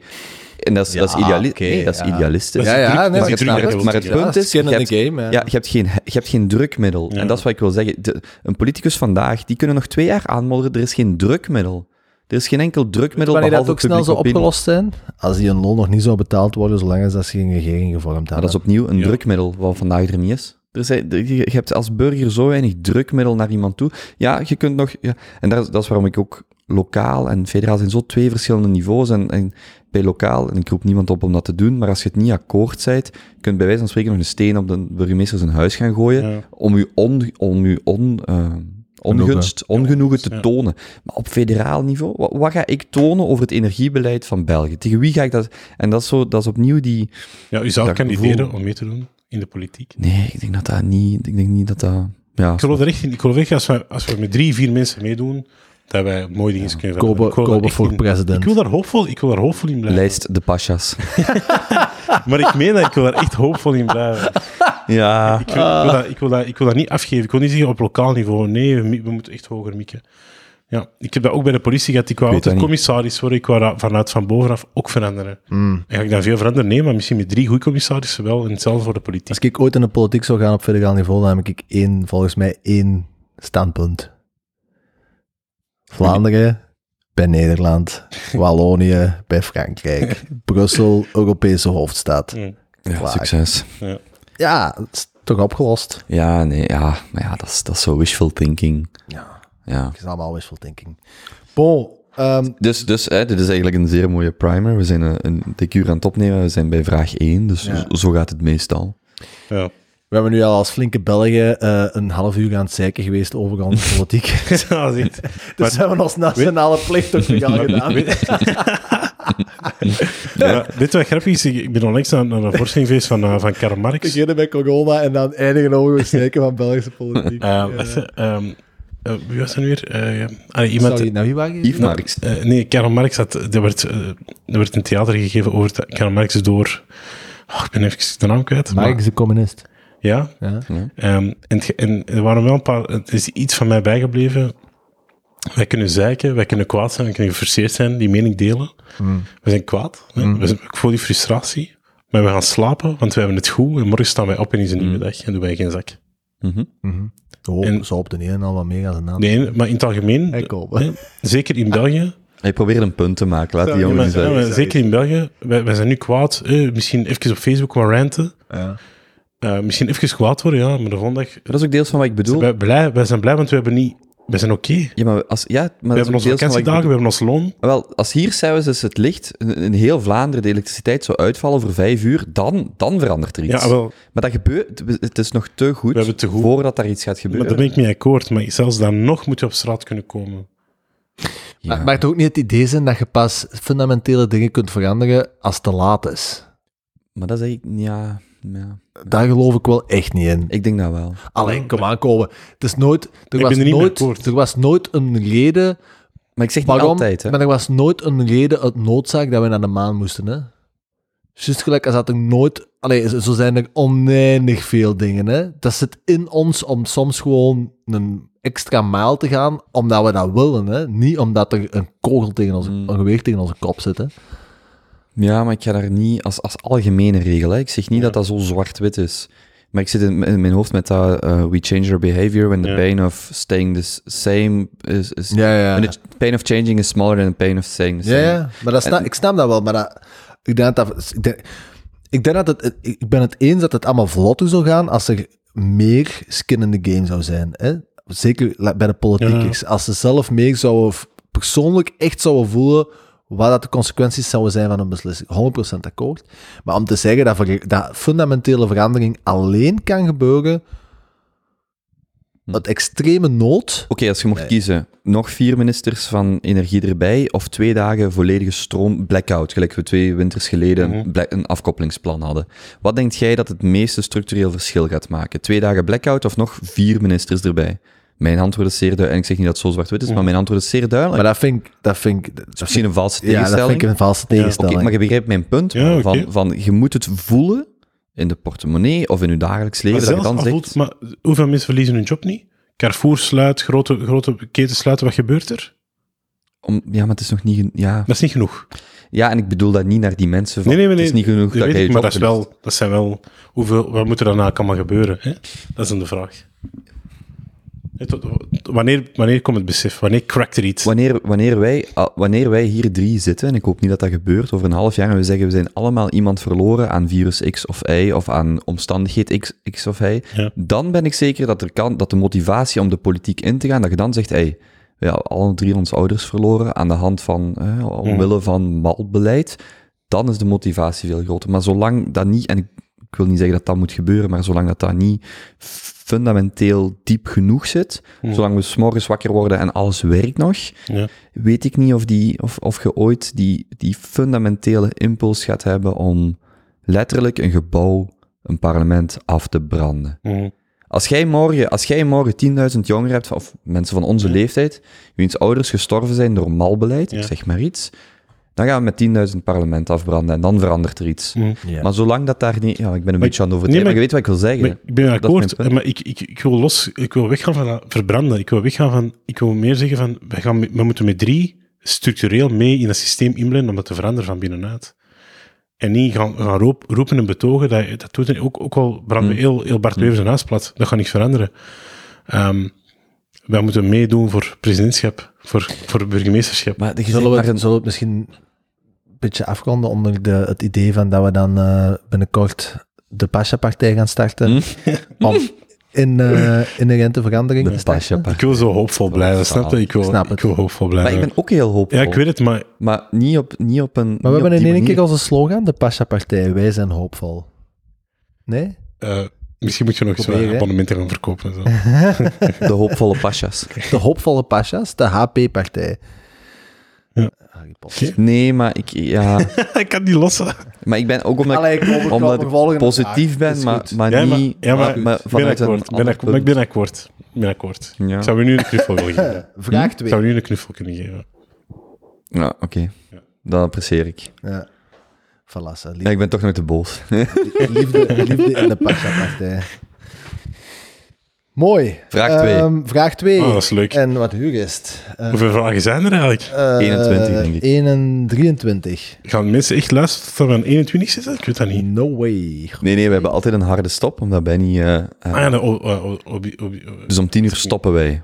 Ja, Maar dus als je hè, dus achteraf zegt van ik vond het wel best leuk, we kunnen ook altijd vroeger beginnen, of ik kan zorgen dat mijn materiaal klaar staat als jullie dat zou binnenkomen. leuk Zou wel, En minder eh, over corona babbelen voordat ja. we beginnen.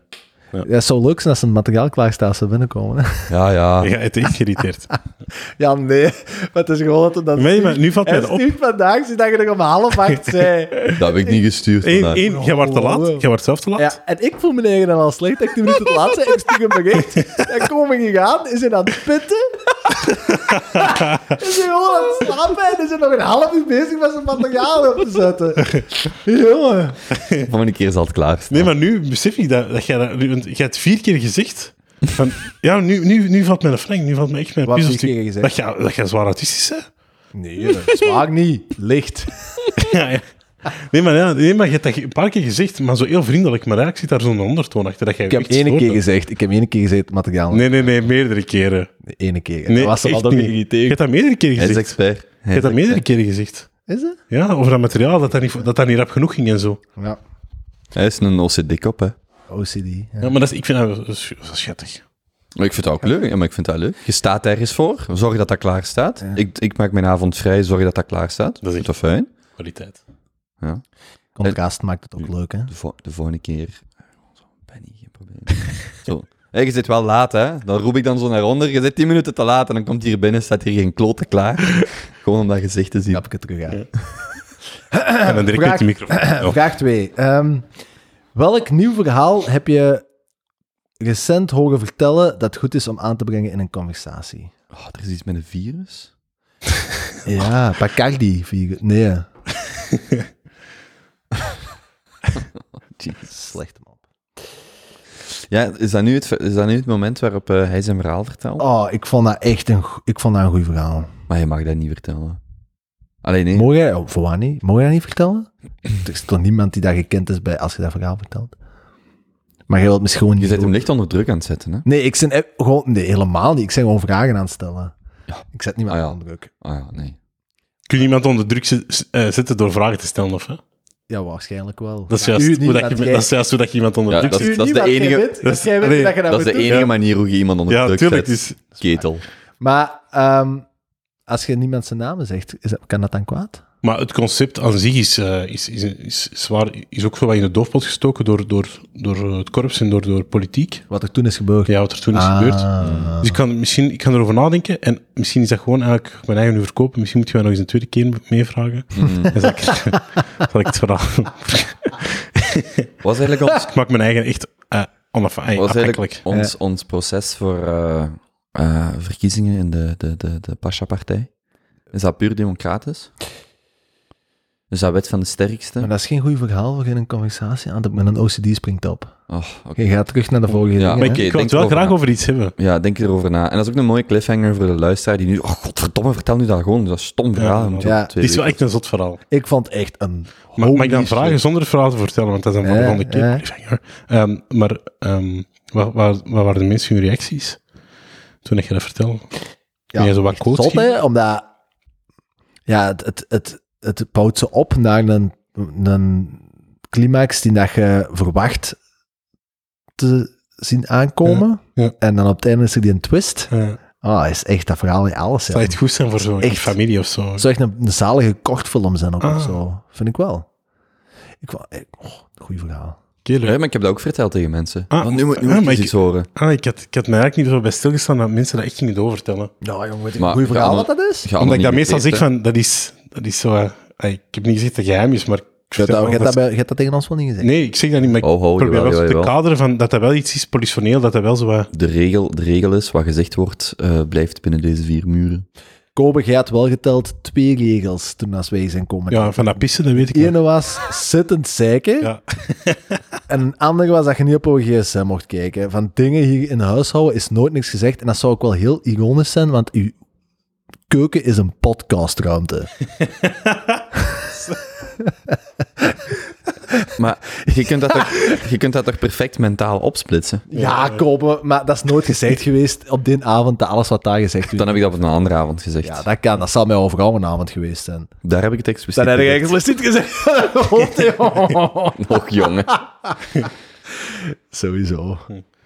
Nee, maar ik wou het ook over iets hebben. Ik vond het interessant. Zo, Ja? zo heel die zo... ehm, ik wil er graag iets over schrijven. Ik wil graag met jullie iets over babbelen. Hm. Ehm, zo heel dit stuk van, van vrouwen, MeToo, feminisme. Ja. Dat je zo ziet van, oké, ehm, vrouwen komen echt heel hard op voor hun rechten. En als vrouwelijke luisteraars zijn, ik, ik, sta, ik sta er echt helemaal achter. Maar ik heb het gevoel dat vanaf dat mannen dat hetzelfde zouden doen, of mannen ook zo, nu met drie, we zijn nu met drie mannen, dat we dat te veel zouden verkondigen dat we met drie mannen zitten, dat dat direct op zou gerand kunnen worden. En eh, Wie, wie rent daarop? Enkel mensen die de wereld door een bril van feminisme kijken. En daar is niks mis mee, maar als dat je enige bril is en je hebt niet mentaal of intellectueel de mogelijkheid om die bril eens te, af te zetten, ja. ik zie dan het probleem niet echt. Maar je hebt zo'n internationale Women's Day. Hè? Ja, Waarom- dat ja. was ook laatst. Waarom- ja, vorige dat, week. dat was nu, dat was nu deze kijk, week. dit is dus Maar- zeer typisch een mannelijke reactie van Benjamin ook. Dat was overlaatst, hè. Hè, dat is.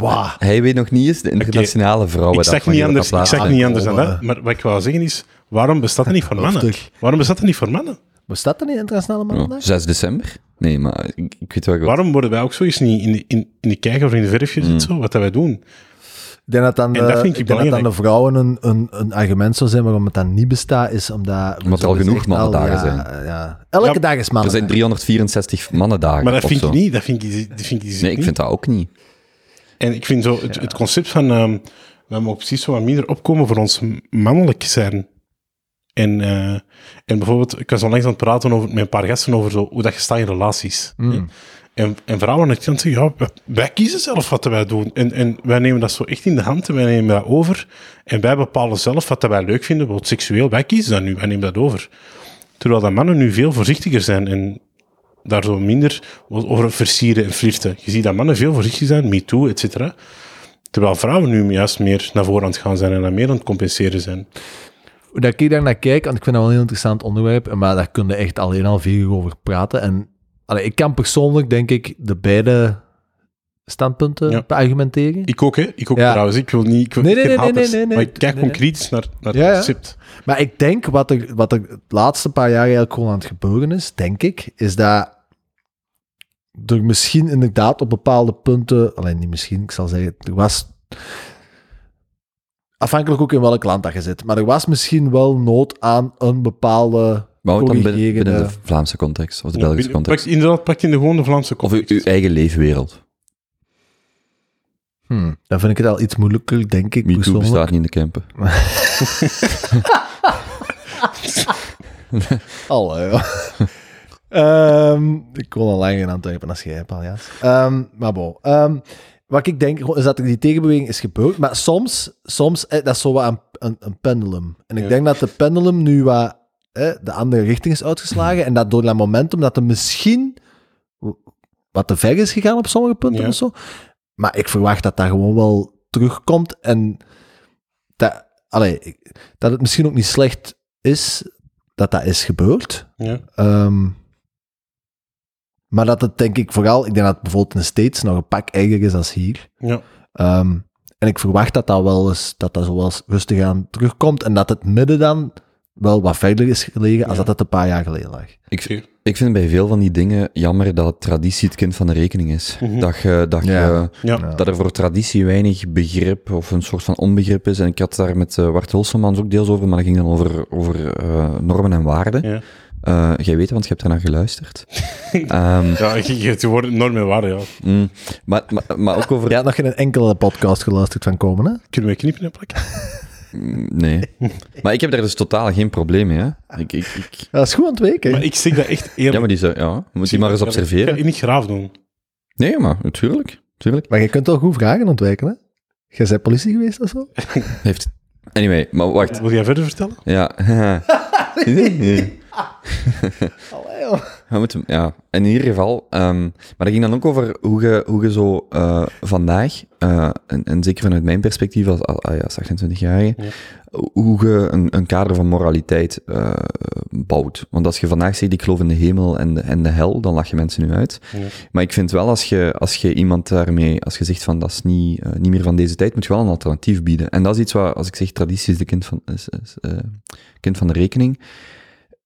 Ik heb veel liever iemand die gelooft in de hemel en hel en daardoor zijn leven eh, richting, Mhm. betekenis geeft.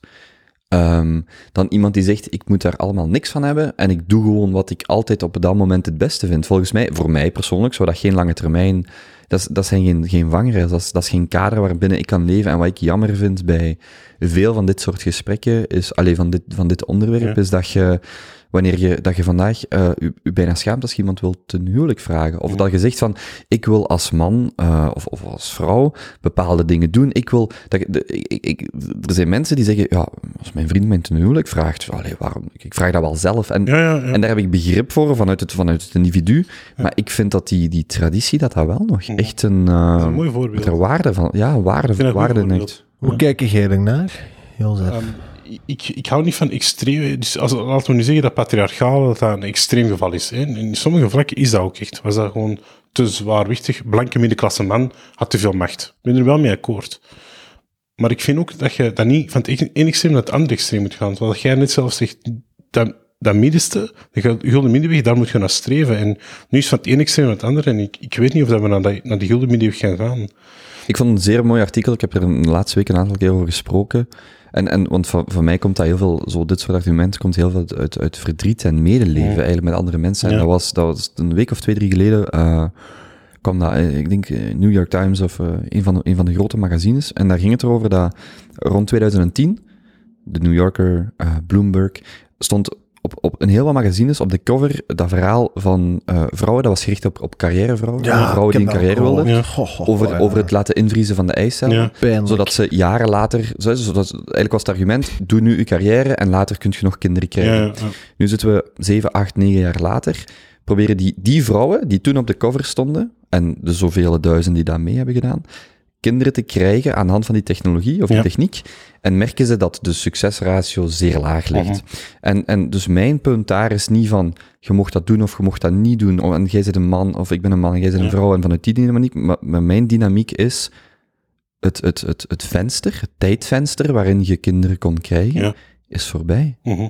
En dat komt nooit terug. En, en je hebt een, een gedacht dat het uw droom was, maar je hebt gewoon de droom van iemand gekocht. En, en je moet er nu wel mee leren leven. En zelfs als je dat dan, als je dat dan zegt, zit je heel vaak in dynamiek, oh, maar jij als man en jij als vrouw, maar dat is zelfs nog niet het punt. Het gaat voor mij vanuit een persoon, man of vrouw, die, die een, een, een, een, leven wilt leiden wat vervuld is, Ja. waar ze dat gevoel hebben. En dat is gewoon niet door verhalen die je gaat geloven. En dat is voor mij deels ook van die pendulum dat naar de andere kant doorstreeft, eh, doorswingt van afhankelijkheid in, in, in, een, in, een, in, een, in een team, in een partnerrelatie, Mhm. kan iets zeer moois zijn. Net gelijk ik afhankelijk ben van mijn boekhouder, dat maakt mij niet minder of meer. Dat is gewoon, die heeft zijn expertise, ik heb de mijne. Ja. Of, of van, uw, van uw CEO, of van alle mensen binnen uw bedrijf. Net zo goed in een relatie. Het is niet omdat je afhankelijk bent, dat het daarom slecht is. En je hebt Ja. ja. een pendulum dat doorsweekt. Iemand- Iedereen moet altijd zelfstandig en je moet Ja. alle antwoorden zelf hebben. En oh wee, als je iets niet weet. Of en dat vind ik heel moeilijk om daar, om daar een balans in te Ja, vinden. dat is ook En dat is een zoektocht. Waar, waar ik, waar ik, eh, waarom dat ik dat zelf ben beginnen eh, voelen, is omdat als ik vroeger op de straat liep, of nu nog altijd, eh, maar dat is ehm, sinds een paar jaar dat ik mij ervan bewust ben, is dat als ik op straat loop, dat vrouwen die keken altijd naar beneden. Hè? Dus een man loopt langs, eh, het is wat donker, en, een- en, en een vrouw dingen merk jij echt op als je op straat... Ja, ja, ja. ja. Ja, tuurlijk, maar Ja. één, eh, één, sowieso, ik ben al een Arabier, dat heeft al een ander effect op vrouwen, ik kan dat gewoon benoemen. Oké. Ehm, dan als blanke man. Ehm, En ten tweede, ik ben ook gewoon een man. Hè? Dus ik loop op straat en vrouwen kijken naar beneden. Goed, automatisme. Ik weet niet wat er bij jullie is. Is je, heb je er ooit op gelet? Dat is mij, dat is mij nooit Ik heb er nooit op Oké. gelet. Nee, Je moet er maar eens op letten. oké. Ehm, als man zou je kunnen kijken, eh, en, en sommige mannen kijken, of mensen kijken naar elkaar, gewoon sociaal, sociaal cohesie, je kijkt naar elkaar. Ehm, wat ik nu doe als man, omdat ik een vrouw het niet lastig wil maken, begin ik zelf al naar beneden te kijken. Ja, maar dat is zo dwaas. Ja, ja maar Sorry, ja. Ja. tuurlijk is dat dwaas. Hè. Maar ik doe dat al omdat ik die vrouw al niet ongemakkelijk wil laten voelen. Ik dat wil toch anticiperen. Maar in het gros van, van de, meestal is dat zo. Voelt een vrouw zich ongemakkelijk als die langs een Arabische man loopt. Ik zal het nu maar gewoon zo benoemen. Ehm, en ik wil dat niet. Ik wil die vrouw dat gevoel niet geven. Dus ik pas mijn gedrag aan om, eh, om haar niet slecht te doen voelen. Maar eigenlijk voel ik mij er helemaal niet comfortabel bij. Dat ik dat moet doen. Hmm. Ja, maar, en je maakt ook een keuze die... Ja, Snap je wat ik wil zeggen? ja tuurlijk, tuurlijk. Ja. En je wilt daar iets over schrijven, of wat zeg je? Nee, maar ik wil die patronen bijvoorbeeld ook als man, als je naar de kindercrash gaat, Ja. Ehm, dat, die, dat, dat, die, dat die juffen dan tegen u zeggen van, hey, kun je tegen uw vrouw zeggen dat, Hm. dat je dat moet doen? Ah, Eh, Nee, je mocht dat ook tegen mij zeggen. ah, ja. Eh, Dus Ja, van dat die werkt- zaken. ja, maar dat werkt in twee dat het in twee richtingen werkt. En ik vind dat die andere kant te weinig belicht wordt. Dus als ik dat tegen vrouwen vertel, en als ik, en als ik sommige van, van de tijden waar we nu in zitten, en sommige artikels waar dat vrouwen echt zo... ehm, de vrouwenrechten heel hard worden, worden gezet en dat er echt op mannen gebashed wordt, dat mannen eh, zoveel foute zaken doen. En ik vertel dat tegen vrouwen, dan zie je, wij vinden daar ook soms erover. Dus die geven ook wel, die zeggen ook wel, het is wat te extreem aan de andere kant. En ik wil er iets over schrijven. Maar denk je niet dat dat met verloop van tijd zijn eigen gaat uitcorrigeren? Allee, ik geef een voorbeeld. Ehm, in november was ik met wat vrienden op citytrip gegaan naar Kopenhagen. Naar een gemeenschappelijke vriend van ons, Maarten. En wij waren daar, die is nu samen met een Finse en die werkt nu in Kopenhagen bij de United Nations Ja. op het departement Women Rights. Women Rights. Women Rights. En die had ons uitgenodigd. We waren vrijdagochtend vertrokken, dus tegen dat middag was waren wij daar. En vrijdagavond had hij ons uitgenodigd voor te gaan afterworken op het kantoor van de United Nations in het departement Women Rights. Hmm. Dus dat was echt, ja, als er een eh, broedplaats is van extreme eh, feministische eh, we must break down the white male patriarchy ehm, vrouwen, dan was dat daar. Hmm. En eh, we kwamen daar binnen en eh, dat was nou, standaard, gelijk overal, hetzelfde eh tafereel dat op vrijdagavonden gebeurt in kantoorgebouwen. Hè. Mensen met bier die daar stress aan het aflaten zijn. En we vliegen daar in de punten en ehm, nadat we daar vier, vijf puntjes op hebben, ga ik daar aan de, aan de praat met een, een, een, dame. En ik vraag van, hé, wat doe jij? En die zegt, ja, ik werk dus bij de United Nations. Voor, eh, voor women rights. En ik zei, oké, wat doe jij zo dagdagelijks? En die, die antwoordt mij letterlijk, hè.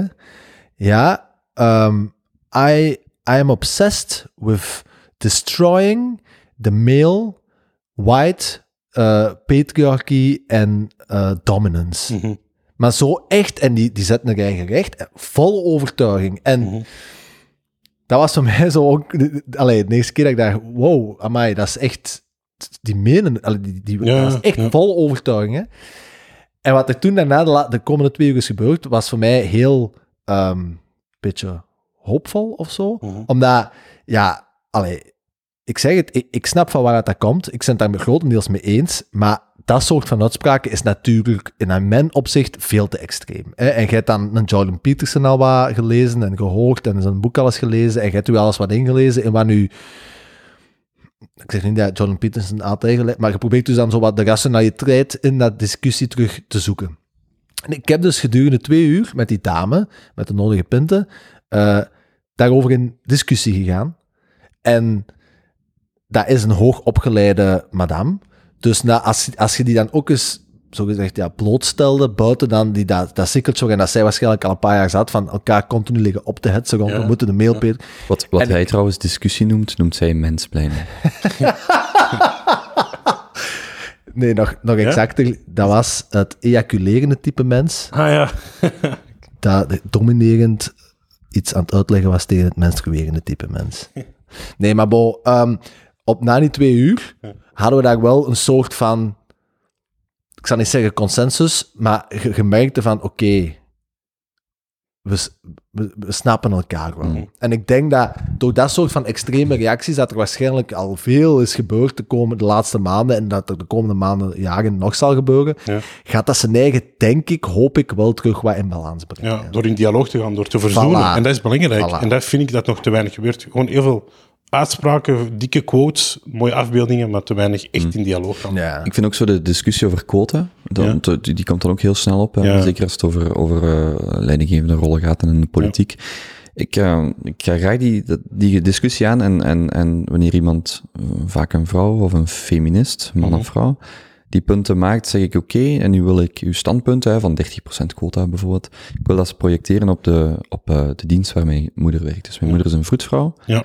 Ehm, en dan vraag ik, en dit is de laatste keer dat ik het mijn moeder gevraagd heb, dat waren de cijfers. Er werken 60 mensen op de volledige dienst, waar Ja. zij deel van uitmaakt. En nu mogen jullie alle twee raden van die 60. Hè, dus een ver- verpleegkundige Er werken vroedvrouw. 60 mensen. 60 mensen, hoeveel daarvan zijn eh, man, hoeveel daarvan zijn vrouw? Mhm. Op het moment dat ik het daar vroeg, dus twee jaar geleden, kan veranderd zijn. Maar Ja, doe eens een dat is gewoon te relevant. Ik zou zeggen 10 mannen, 50 vrouwen. Ja, misschien ga ik heel extreem klinken, maar vroedvrouwen, vroedvrouwen dus 60. Het is, het is ook de, het is, ehm, de vroedvrouw en het is ook de recuperatie van de mensen die van intensive care of van operaties komen. Maar Vij- 55. wel, het antwoord is nul. Ja, dus ik wou eerst 60 zeggen, maar oké. Geen ene. Op dat moment geen enkele man. En dus, hè, dus je maakt je argumenten waarom je quota wilt en dit en dat. En dan is mijn vraag, oké, je wilt een quota van 20%. Je zit daar met 60 vrouwen die daar werken. Wat doet je dan concreet? En niet, niet politiek. Wat doet je in die situatie? Gaat je daar dan één op de vijf gewoon buiten shotten om er dan mannen te zetten? Gaat je dan de oudste buiten shotten, de jongste? Eh, Maak het dus zeer concreet. En als, ja, maar dat bedoel ik niet. Ik zeg, ja, nee. Wat jij bedoelt is, als het in één richting is, tegen dat waar jij je tegen verzet, dan is het allemaal goed. Mhm. Maar wanneer het in twee richtingen moet gaan, als beleid, ja, dan, dan wordt het veel moeilijker. En dan zie je zeer snel, is het iemand die redeneert vanuit, ik wil iets afbreken, mij verzetten tegen, of is het iemand die redeneert vanuit, ik wil iets opbouwen voor. En dat is voor mij de gouden Mhm. regel. Als iemand zegt, ik wil iets afbreken, oké, dan vind, dan, dus die, die, dat- die vrouw waar jij naar refereert, als ik zoiets hoor, denk ik, die heeft gewoon nog niet voldoende voor zichzelf ontdekt wat, wat haar sterkte is, wat, hoe dat zij dat positief kan verwoorden. Het is heel makkelijk om iets af te breken, het is veel moeilijker om iets op te bouwen. Klopt. En dat is voor mij zo de gouden, of de- waar ik dan heel snel naartoe ga van, wat is de intentie van die persoon? En als het echt is, jij zit slecht omdat je blank, man, oud, maakt niet uit zijt, oké, maar daar kan ik geen discussie mee voeren. Ja, geen en- constructieve discussie. En dat klopt, maar vaak is het ook vanuit een kwitsing, hè? vanuit een kwitsing dat mensen gaan handelen. Bijvoorbeeld, eh, ehm, Maar dat betekent niet dat je anderen mocht mishandelen. Nee, dat is waar, maar dat is, dat, is, dat is een vrij logisch gevolg dat je vanuit die kwitsing en vanuit Mhm. onzekerheid handelt en dan ehm, niet weerbaar zijn voor jezelf. Copingstrategie zit nog niet op punt, waardoor dat jij, waardoor jij als je spreekt met vrouwen, dat die wel vaak zelf iets hebben meegemaakt Mhm. met mannen. waar Ja, die, tuurlijk. hè, En, en dat, dat, ik heb daar wel respect voor. En ik, en, Maar veel. Ik begrijp dat ook is wel. Heel veel gewoon, hè. maar lief? Over de percentage vrouwen die ook gewoon al iets, al is het dan maar zo Ja, ongewenst een aanraking Ja, ja, op café, dat is ook echt... Allee. tuurlijk. Maar wat je dan ziet is Ja, van, ja, dat nu ga ik, nu is het aan mij. Nu is het mijn Ja, ja, ja. En ja, daar heb ik een probleem. ja, Ja, ik ook. Ik ben niet akkoord met de eerste kwetsing. We moeten mannen ook zeker moeten goed opgevoed worden. En ik geloof er echt in dat onze jongeren goed opgevoed moeten worden. Goede waarden en normen moeten we krijgen. Maar niet kwetsen om te kwetsen. Want simpel tegen, toen ik terugkwam van Hamburg, eh, zeer gelijkaardige discussie. En dat ging over, ik denk, de, de, de anonieme praktijktesten bij de verhuur van, Ja. van hè, of er systematisch racisme is in de verhuur van panden. En daar, daar kan ik dan furieus van worden, van wat er dan gebeurt. Hè, dus iemand maakt dat punt, die zegt, dat kan niet, hè, er is racisme, wij zijn racistisch. En, en, en zeker ook Bart Bulting van, eh, of Bert van eh, de hoofdredacteur van de KNAK heeft daar, is daarop ingesprongen, van wij zijn fundamenteel racistisch. En ik zeg dan tegen die persoon van, kijk, ik heb in Hamburg een appartement, een kot gezocht toen ik daar een jaar woonde. En er heeft letterlijk een huisbaas, Bazin, dat was een vrouw, tegen mij gezegd, ik verhuur niet aan u omdat jij een buitenlander bent. Ja. Zelfde ras, gewoon omdat jij niet, um, omdat jij geen, omdat je een buitenlander Ja. bent. Ik zeg, en ik, ik vertel, ik zeg, dat is exact wat jij aankaart. Iemand verhuurt niet omdat het een buitenlander is, of hè, in het verlengde daarvan. En die lacht daarmee. Ja, maar dat is anders. Ik zeg, kijk, ofwel gaat het u om de situatie die je probeert uit te loggen, maar, maar je kunt niet zeggen, ja, daar is het, en dan kom ik terug op dat voorbeeld van die quota, ofwel is het een beleid waar je probeert de wereld iets beter te maken, maar je kunt niet selectief gaan zeggen, ja, en jij wel, en jij, ik zeg, dat is exact met mij gebeurd nu. De impact daarvan op mij is anders als dat... dus mijn, maar mijn punt is, je, gaat redeneren vanuit hoe willen we dat het beter wordt voor iedereen en niet hoe willen we, nu staan mij of nu ga ik het eens voor het zeggen hebben, op, op al die vlakken. Ja, want ik wou daar juist ook nog op inpikken, maar bij die jobs dat je aanhaalde, is het, het omgekeerde ook, hè. Waar is het 98% van metsers zijn mannen? Ja, ja. Ja, Ja. dat gaat ook niet direct veranderen, hè. 99,8% van vissers zijn mannen. Mhm. ja of loodgieters. eh, eh, allee, er, zijn, er is een serieuze lange lijst. Als je dat dan inderdaad gelijk wilt trekken, ja, dan... Je hebt wel eh, uw, uw patriarchistische argumenten goed... eh, Ja, heeft goed voor. Klaarzitten? Ja, inderdaad. Nee, ik denk dat hij dat gewoon zo... Die heeft dat zo altijd zo on... Die heeft dat niet voorbereid. Dat is, dat is gewoon wie hij is. Och ja, Echt wel top. is goed. Eh, trouwens, op die een bombshell eh, van een beschuldiging is het eh 1 minuut voor 10 en wordt de tijd... Beschrijving, beschrijving. Dat was geen beschuldiging. Is dat nu housekeeping? Is dat nu dat stuk? Ah, dat is te laat. Dan te hoef ik laat. Ah, dat is te laat zelfs. Ja, Ah. dat is echt een harde stop dat ik hem... Dus de mensen moeten het doen met die cliffhanger van mijn verhaal. Ja, ja dus oké. misschien is dat wel een leuke voor af te sluiten. Ehm Wat was... Ja. Wat, tuned binnen een paar weken terug in. We gaan spit een datum bepalen. wat vond je ervan? Misschien langs onze kant, dit was wel de, de Junto-vibe dat ik ook van het verleden had. Van Ja. wat, wat, wat palaveren, wat vragen. Een het beetje. was er in het begin wat inkomen, wat heel normaal is. Maar we zijn er vrij snel terug... eh, opgewarmd. Ja, ik vond het prima. Ik vond het leuk. Was het een Gezellig. ervaring? Wat kort, wegens eh, technische eh, tekortkomingen van onze gastman. Ja. Gastman, gastheer. Ja. Maar voor de rest prima, ja. Nu, is hè? Ehm, ik denk dat, ik denk dat hier keihard potentieel in zit. Ik vind dat kijk cool. Ik denk dat ik nu, als ik dit na tien podcasts, gelijk dat jij nu ziet, of elf, zal ik me echt schamen wat ik nu allemaal heb verteld. maar ik, ja, ik vind dat wel graag. Ik denk dat ik... eh, Een patriarch schaamt zich niet. maar- nee, maar er zit zoveel Het is potentieel onmogelijk voor mij om ghost te worden. Maar ik vind wel, ik moet wel zeggen dat ik de dynamiek belangrijk vind. Mm. Ik vind dat echt, er is keihard respect, er is veiligheid. Ehm, ja, ik vind dat kei tof hoe dat iedereen op zijn niveau spreekt en op welke argumenten dat wij ingaan. Maar dan moet ik zeggen, dat was de vorige, als we dat met Jonas had ik ook momenten dat echt zo van, je weet, die kan een verhaal vertellen, er wordt op ingepikt, soms niet. Allee, als in, je, je hebt tijd om iets te vertellen. En eens dat die dynamiek goed zit, waar je dan over praat, is ondergeschikt aan het feit dat je aan het babbelen Ja. bent over iets. En dat voel ik vanavond ook. Ja, dus dat is kei tof. Ja, dat is niet geforceerd. Communicatiehygiëne is denk ik belangrijkste bij deze soort van dingen. En ja, jij natuurlijk als expert in de... Nee, nee, echt absoluut niet. Ik, ben, eh, ik probeer op bescheiden te blijven. Ja, Eh, wat vonden jullie van mij? eh, ik vond het heel interessant Ja. en heel aangenaam. Ja. Beetje stroef in het begin, maar dat is heel normaal. hè. Ja, was dat? Was dat omdat ik die corona altijd begon? Nee. Nee. Nee? Maar stroef van mijn kant? Maar nee, gewoon Ah, langs mijn kant ook, wat Ja. zoeken. Terug wat, terug wat erin Ja. komen. Ja. Wat vond jij van mij komen? Ehm, ik heb het gevoel dat ik weer de domste van de drie ben. nee. Dus eh, dat is goed. nee. Dat is goed. Jawel, want ik heb lang onderschat hoe slim dat hij eigenlijk is. Ja, maar hij is echt zwaar. Want- en jij ook. Ik voel mij Ja, de domste. Nee, nee, want hij, want iemand zei dat tegen mij, die, die was na een paar afleveringen aan het luisteren.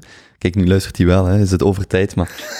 maar die zei dat, maar die zei Dat en weet je ook nog van ons diner dat hij aan het vertellen was, en dat je echt denkt, oh, dat is eigenlijk echt een heel slimme gast. Ja, maar ja, dat je verschiet van hem. Amai, kijk, ik Verschiet kan Ja. opblazen, eh, een patriarch. Kijk eens in de Hier. camera. Nu kun je niet meer conservatief stemmen, hè, je hebt geblozen. ja.